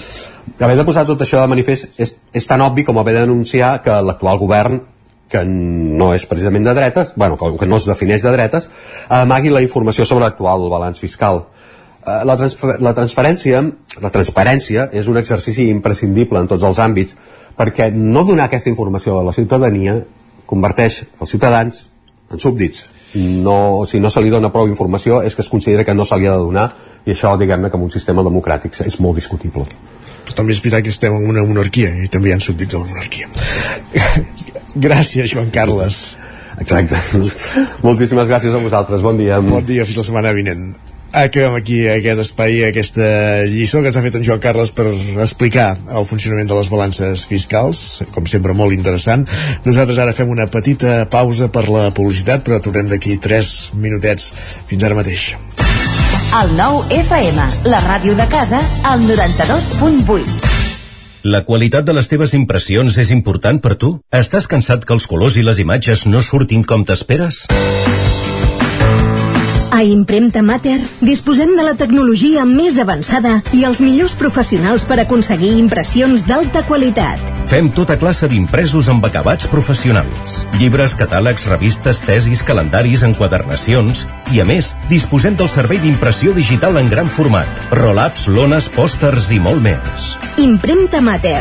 Ens trobaràs a la carretera de Sant Hipòlit 23 de Vic o impremtamater.com. Si t'agraden les antiguitats, vine a l'1 d'octubre al recinte Firal al Sucre de Vic. A la descarregada de Vic hi trobaràs mobiliari, objectes de decoració, peces d'art, joies, eines, llibres i moltes coses més. Descarregada d'Antiguitats de Vic, diumenge 1 d'octubre, de 8 del matí a 2 del migdia. Sorteig d'un obsequi entre tots els visitants. T'hi esperem. A Instituts Odontològics, la tardor arriba amb un 20% de descompte en odontologia general per a tothom. Vine amb els teus i entra en el sorteig d'un viatge màgic per a dos adults i dos infants. Demana cita ja a ioa.es o trucant al 900 131 002. Instituts Odontològics, perquè quan estàs bé, somrius. Ens trobaràs a la Ronda Francesc Camprodon 11 de Vic. El nou FM, la ràdio de casa, al 92.8. Ser a prop vol dir veure les coses més bé. Apropa't al que t'interessa amb la xarxa Més. La teva plataforma audiovisual de qualitat, proximitat i gratuïta. Gaudeix dels continguts de més de 30 televisions locals i podcast quan, com i on tu vulguis. Entra a la xarxa més.cat i descarrega't l'app. Cocodril Club. Si t'agrada la bona música dels anys 60, 70 i 80, escolta el 9 FM als matins de dissabtes i diumenges d'11 a 1. És el temps del Cocodril Club, tot un clàssic de la ràdio, amb les bases del pop-rock, les llegendes, les cançons que s'han convertit en autèntics himnes. Recorda, dissabtes i diumenges al matí, d'11 a 1, al 9 FM 92.8. Cocodril Club, el programa revival de l'Albert Malla. Hasta luego, cocodrilo. Cada dimarts a les 11 de la nit, al 9 FM, repàs de l'actualitat esportiva a la banqueta.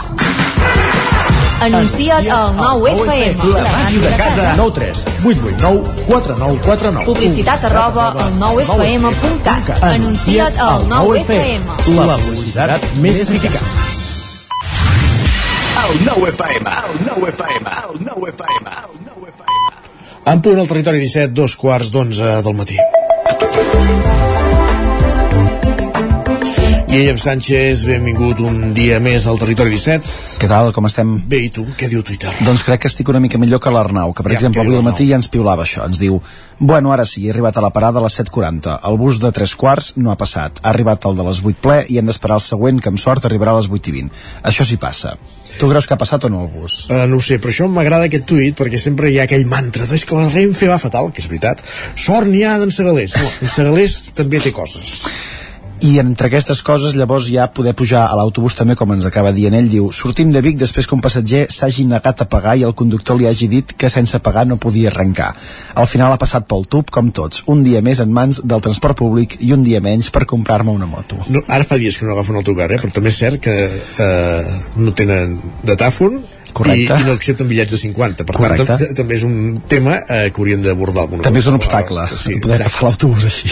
Va, el que no sabem si l'Arnau ha agafat avui per això el jersei o no per sortir de, de casa perquè com ens diu la Margalida aquests dies diu com se suposa que t'has de vestir si surts de casa amb 15 graus i al migdia estàs a 30 bé, és el que té aquesta estació i també aquests dies i el canvi Correcte. climàtic i tot, i tot plegat i el debat del temps hi suma també el debat de les estacions. Tot i això en Joel ho té clar, diu ja plou una mica més sovint, no sé a on. No fa calor, no sé a on. Però si més, no, si més no és aquella boira pixanera del matí que mira, que si més no deixa la terra una mica humida. I diu comença a haver-hi algun bolet pel bosc i els cèrvols bramen. Vindran, Eh, eh, deu ser el dels cèrvols, deu ser l'únic que potser sí. Diu, vindran les castanyes, els caquis, les figues, els aranyons. Avui comença la que és indiscutiblement la millor època de l'any. Carai, quin optimisme. I tant. I on també hi ha debat, em sembla, en la situació del català, Isaac, aquests dies s'ha de dir que la xarxa va plena. Ah, sí? Va plena de gent que ens eh, evidencia situacions on potser el tema del català no acaba de, de ser del tot correcte. Per exemple, la Carla, que ens diu un infant m'acaba de demanar que si per dinar hi ha pescat. És el final. Ho tenim, ho, ho tenim tot perdut. Mare de Déu, senyor. Tot i això t'he trobat dos inputs positius, també. El peix l'has pescat per això, no? No, no, no, ja, ja estava pescat d'abans. En Biel ens escriu, m'acaben de parlar en català a l'aeroport, és el meu dia de sort. Doncs segurament, segurament. I, I la Dolors també ha tingut un input positiu en relació a la llengua. Diu, una noia d'uns 25 o 30 anys comprant xurros de xocolata per l'avi en cadira de rodes per seure a parlar al parc i parlar en català d'entrada i sense vacilar el venedor que li responia també en bon català. De vegades tot sembla perfecte però només de vegades, de només de vegades. Vai, aquesta de l'Alba m'ha agradat molt. A veure què respons, Isaac. Diu, quan teniu tants fronts oberts pendents que no sabeu per quina feina urgent començar, què feu? Tu què fas? Doncs començar per una i continuar per la següent. Que no... Ella mateixa et respon, diu, jo faig el sofregit dels macarrons. Va, doncs mira. La resposta eh, que li donen també està bé, diu, res, migdiada llarga, capítol de la sèrie, i diu, és la meva creu. I una recomanació d'aquest usuari també que ens diu res com tallar ceba i fer un sofregit abans d'anar a dormir perquè et facin pudor les mans tot el dia. Algun usuari li ha dit, doncs renta't les mans més d'una vegada. I ell mateix ha respost que porta 15 vegades rentant-se les mans i encara li fan, li fan pudor No, no, a la, ceba. la ceba perdura, sí, sí. Va, i acabarem amb dos comentaris. El primer de la Tània que ens diu estic contenta de conservar la capacitat de sorprendre'm per coses. Per exemple, em sorprèn la gent que va a la piscina a socialitzar i a les dutxes del vestuari i mentre s'aixuguen els cabells. Em sorprèn l'habilitat de superar qualsevol obstacle físic per parlar i per no dir res. I la d'en Josep que ens diu vaig a buscar qui és la musca que demà tinc classe i vull anar una mica documentat. Doncs va. A buscar ha feina. A buscar. Gràcies, Guillem. Que vagi bé, adéu.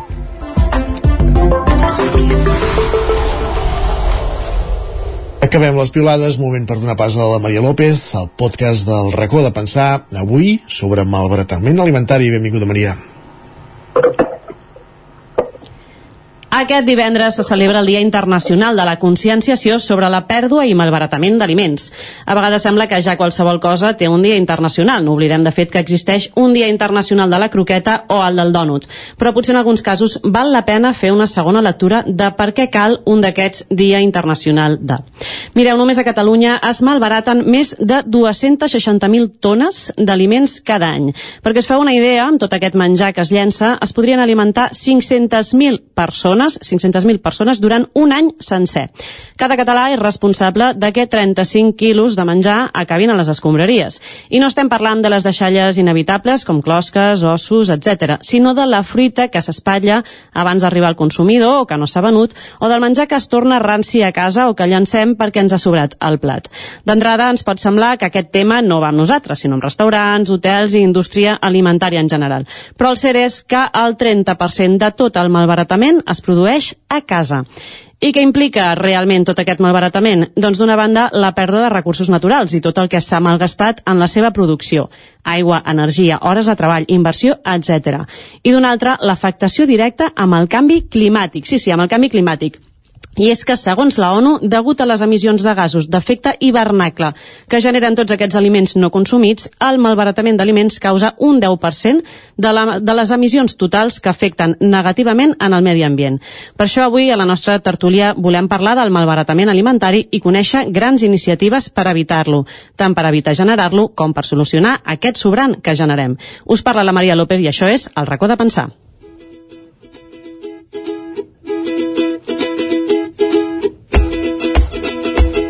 El racó de pensar, des de Ràdio Cardedeu. I per parlar del malbaratament alimentari, avui tenim tres tertulianes que segur que ens podran deixar alguns tips molt pràctics. Així que agafeu paper i llapis perquè et toca prendre notes. D'una banda i a l'altra banda del telèfon, avui ens acompanya l'Ada Parellada, propietària del restaurant Semproniana i autora del llibre La cuina sostenible. Bon dia, Ada, i gràcies Bon per fer-nos aquest foradet per participar avui, que sé que vas de bòlit, eh? Avui sí, avui vaig de boli perquè precisament demà fem un àpat de denúncia, un àpat de conscienciació, on, on vindran 100 persones i on eh, ho elaborem tot d'inici amb aliments recuperats, o sigui, rescatats, aquests aliments que tu comentaves.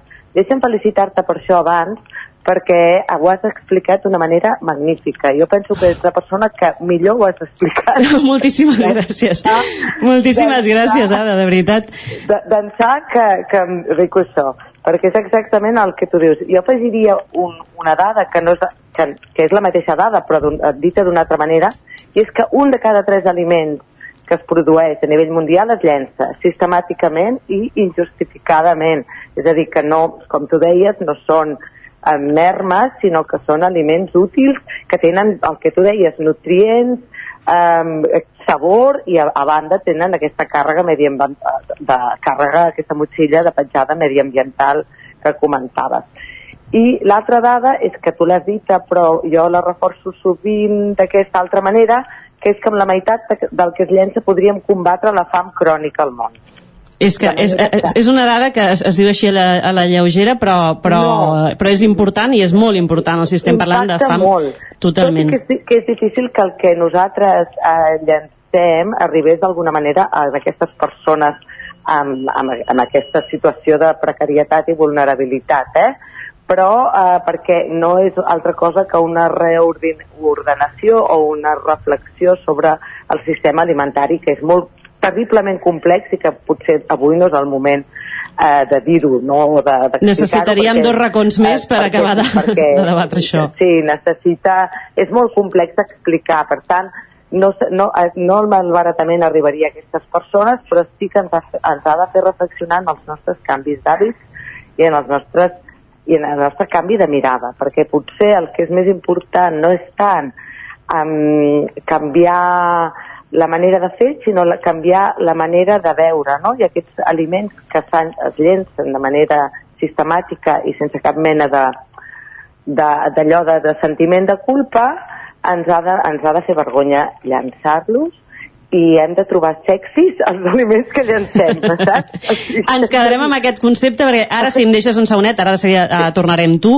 Deixa'm que presenti en un momentet per això les persones que ens acompanyen avui a l'estudi, uh, perquè amb elles seguirem després la, la tertúlia, perquè d'una banda ens acompanya la Maite Molina, ella és responsable de comunicació de Campos Estela, una empresa dedicada al menjar de centres escolars amb una trajectòria històrica de pràcticament més de 50 anys. Bon dia, Maite. Bon dia. I avui ens parlaràs també d'alguns projectes que, que esteu conduint amb, aquest, amb aquesta filosofia.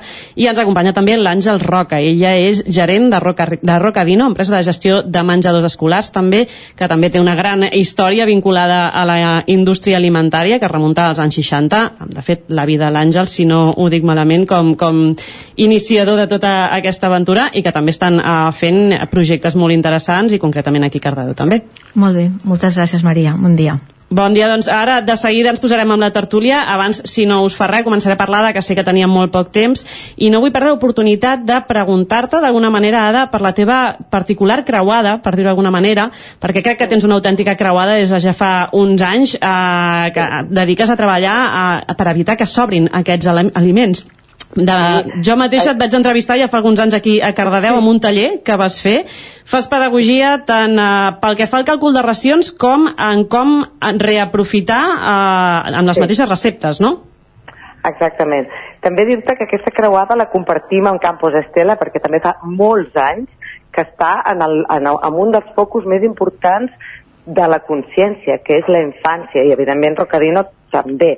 Però jo conec, mm, conec l'experiència de Campos Estela perquè fa molts anys que, que coincidim amb molts debats, etc.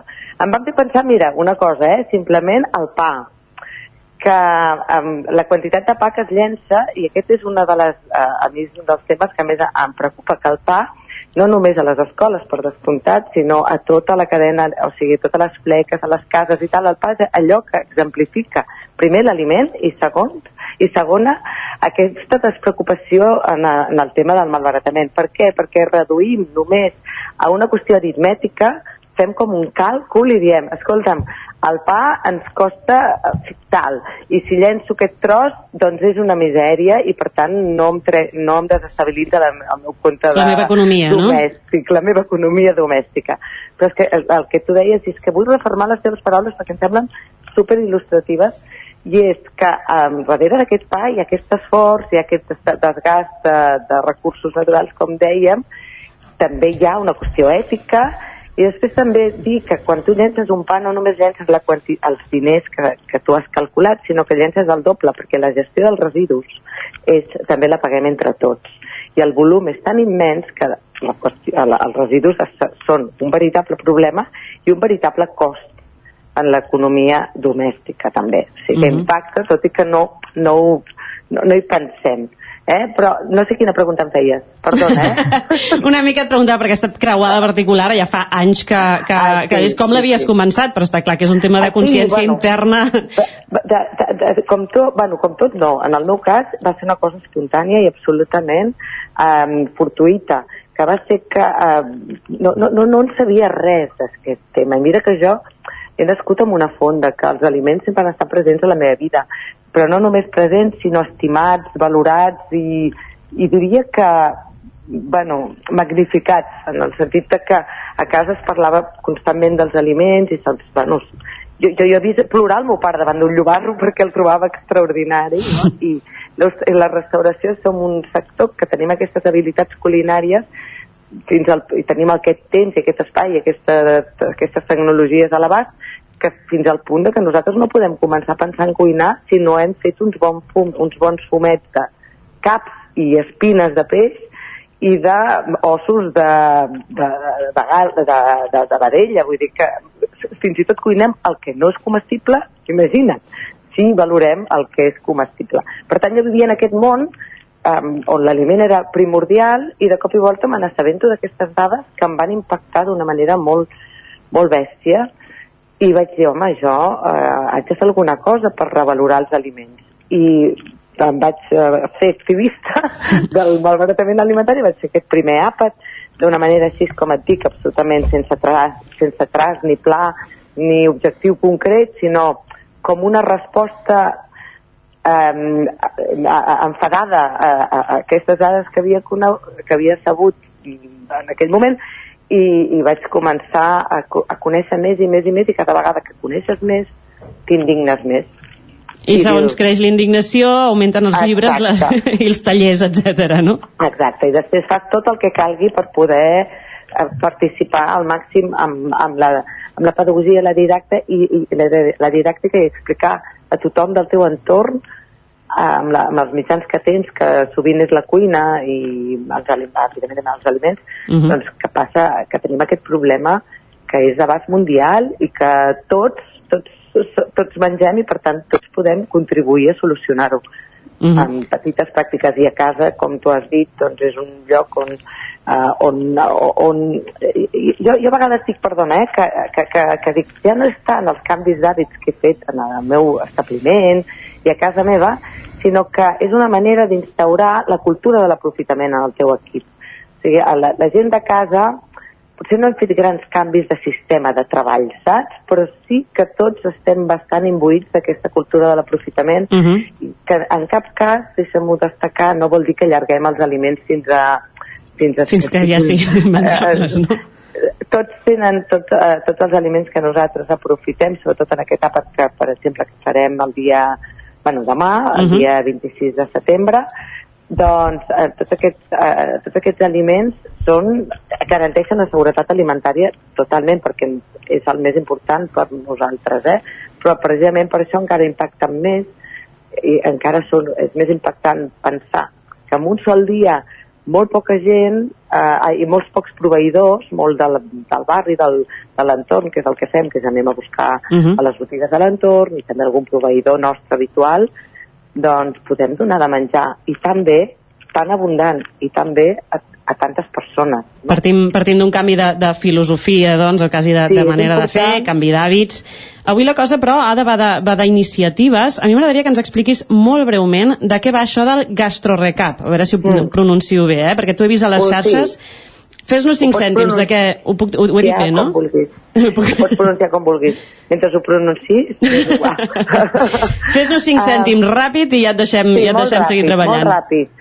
És, um, és un àpat d'anunci, això d'entrada, és un àpat d'anunci festiu, perquè ho fem en un entorn festiu, al voltant d'una taula, i és, um, jo mm, recas- rescato aliments que estaven destinats, que estan al corredor de la mort, de la mort destinats a l'abocador, garantint la seguretat alimentària, i simplement doncs, el que faig és posar-los a la taula amb el mateix amor amb què faria qualsevol altre plat.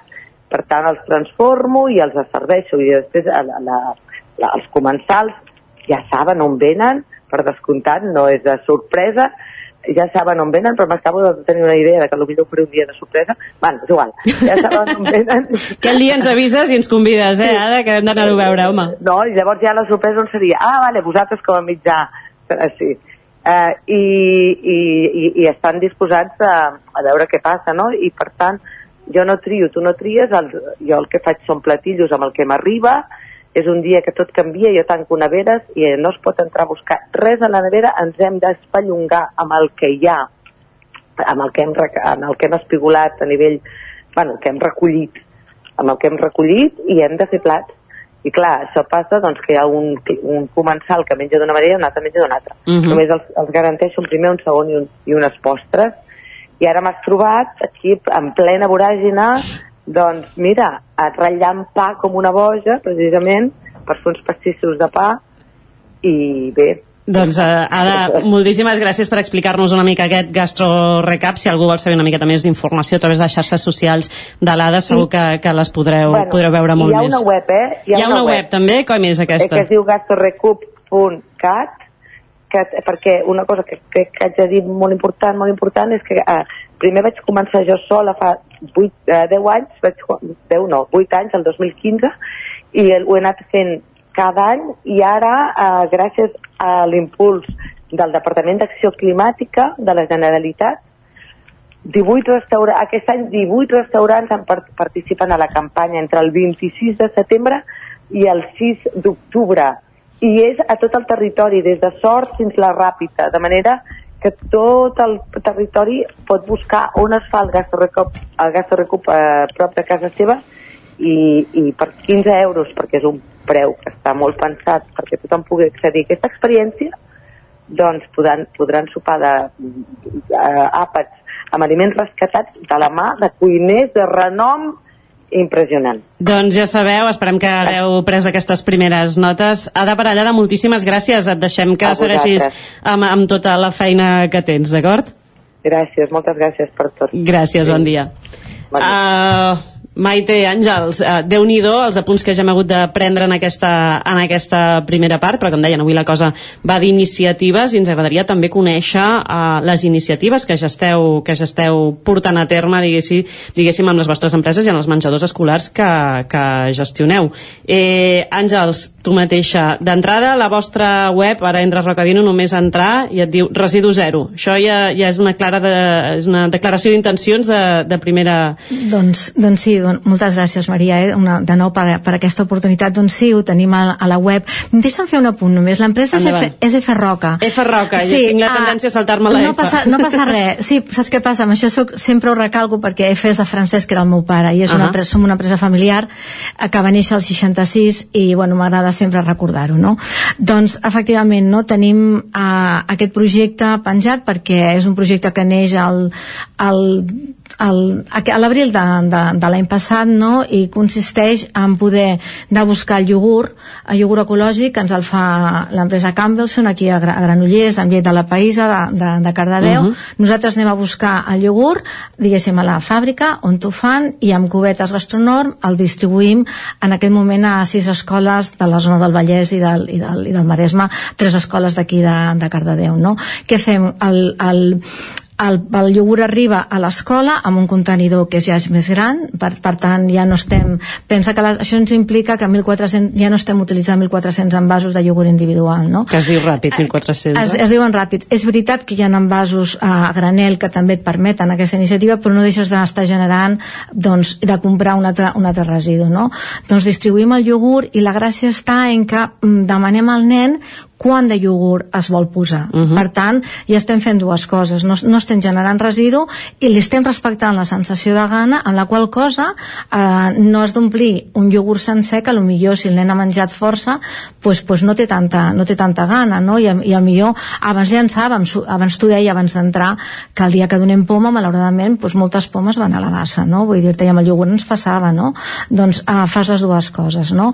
La idea és poder estendre-ho a totes les escoles que gestionem, nosaltres estem a la província de Barcelona, però bueno, de moment estem assentant el projecte en aquí, no? I la veritat, bueno, que estem molt orgulloses no, d'haver tirat enda- endavant aquest, aquest projecte. I una de les coses que trobo que és molt important, ara parlem de xifres, quan ens traslladem, clar, igual tu a casa penses fer aquest canvi és poca cosa, no? Però això multiplicat per moltíssimes persones i amb un menjador escolar és una evidència, parles Mhm. de 1.400 iogurts, doncs encara es posa més de manifest.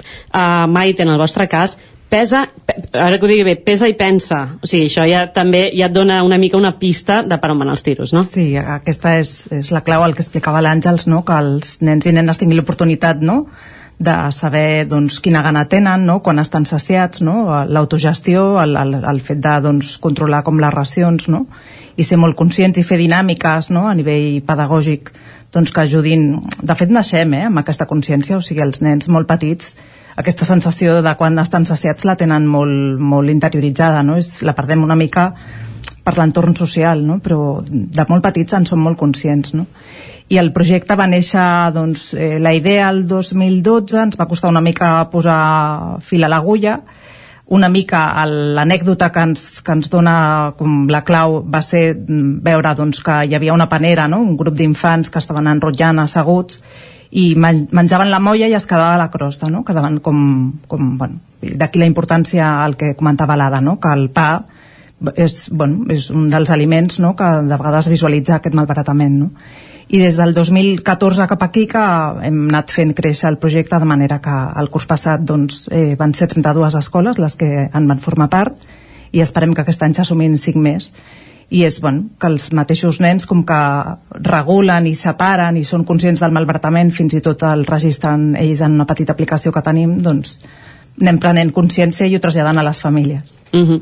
D'alguna manera, la, la clau seria, seria aquesta, precisament, sobretot aprendre a gestionar les racions, perquè les, les dues propostes van més encaminades doncs, en aquest sentit, no? A que no hi hagi tant de sobrant, no, no tant en què fem el sobrant, que potser era la proposta de l'ADA que sempre es va reinventant, eh, va més en aquesta línia, sinó a, a com evitem que hi hagi tant de, de sobrant, no? Entenc que l'aposta va per aquí. Pues, doncs sí, és, està, està claríssim no? um, a més a més voldria dir que uh, la gent de Campus Estela són molt generosos perquè tenen aquest projecte que han treballat durant molts anys no el tenen en obert, per tant qualsevol empresa del sector que volguéssim uh, seguir el projecte doncs Mhm. el, el, podríem, el podrien seguir no? i això és, un, és molt lloable no? um, um, m'agrada molt dir-ho no?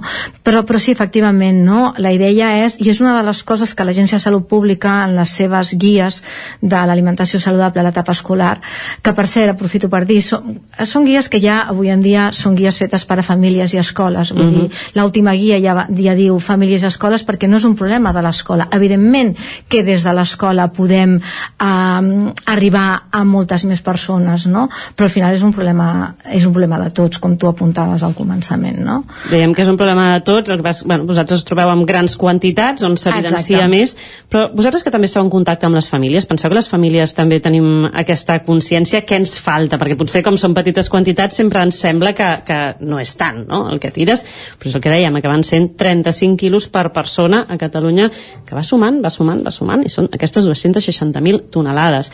Eh, no sé si feu o teniu algun contacte amb les famílies, maneres de canviar aquesta consciència, o què penseu que ens faltaria per, per, per fer aquest, també aquest canvi de xip? Sí, nosaltres vam tenir l'oportunitat també perquè des de l'agència de residus ens van donar com una subvenció per fer doncs, aquesta app, eh, donar-li bueno, que la part pedagògica i la gamificació, no? que els nens i nenes i les famílies hi poguessin arribar. Llavors, tenim configura, configurat un apartat on hi ha una sèrie de fitxes educatives que estan pensades per fer també des de casa, no? i és el que pretenem, no? que les escoles puguin ser conscients i puguin consultar quin malbaratament hi ha al menjador de la seva escola i puguin accedir-hi i tenir aquesta informació doncs, eh, bueno, és, és un punt més no? Teniu Però feedback per això de les famílies? Sabeu si en fan, si en fan ús? Vull dir, d'alguna manera, si hi ha gent, suposo que com a tot, no? Hi haurà gent superconscienciada que, que agafarà aquesta informació i l'aplicarà i, i altres que es queden allà en l'oblit, no? Potser? Encara hem, hem de fer una mica de difusió nosaltres per la nostra part, també Mhm. és cert no? sobretot quan va començar el projecte sí que ens trobàvem famílies que els nens i nenes com que nosaltres el que fem és separar per exemple l'orgànic que no és menjable, una pela de plàtan o un os de pollastre de l'orgànic que sí és menjable, que seria un iogurt sense, escurar o un tros de pa i els, els nens i nenes més petitons arribaven a casa i ho volien fer, no? buscaven com aquestes fraccions i separar l'orgànic en dues vessants, no? Mhm. llavors famílies encuriosi, encuriosides doncs ens feien aquest retorn, no? que, que el volien practicar a casa i bueno, que, que, que, quina millor no? descripció, però tampoc sabem, són petites anècdotes que ens arriben, no sabem en quin volum. És que jo no sé si, si sou conscients, però segurament molts nens han aconseguit, gràcies al que aprenen als menjadors escolars, canviar hàbits de casa seu. O sigui, jo la primera vegada que vam començar a fer separació de residus a casa, va ser perquè el meu fill, que ara és gran, va arribar com dient, és que això al col·le ja ho fem així.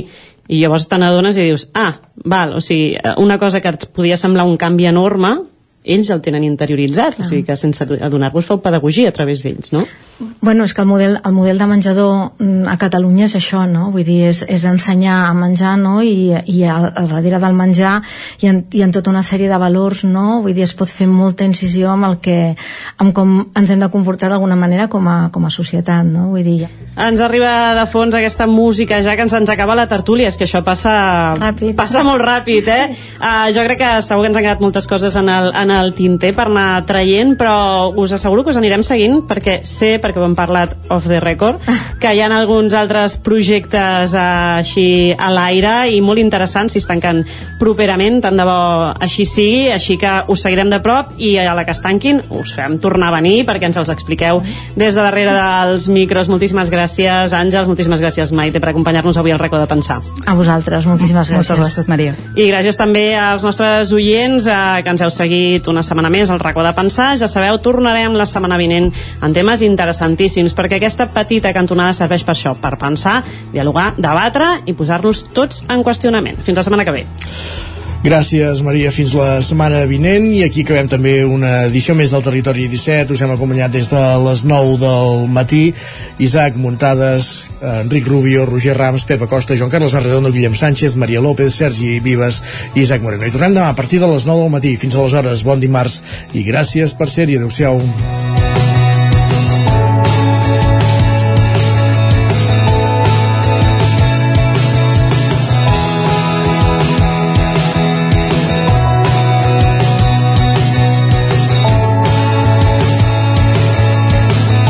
Territori 17, un magazín del nou FM, Ona Codinenca, Ràdio Cardedeu, Ràdio Vic i La Veu de Sant Joan, amb el suport de la xarxa.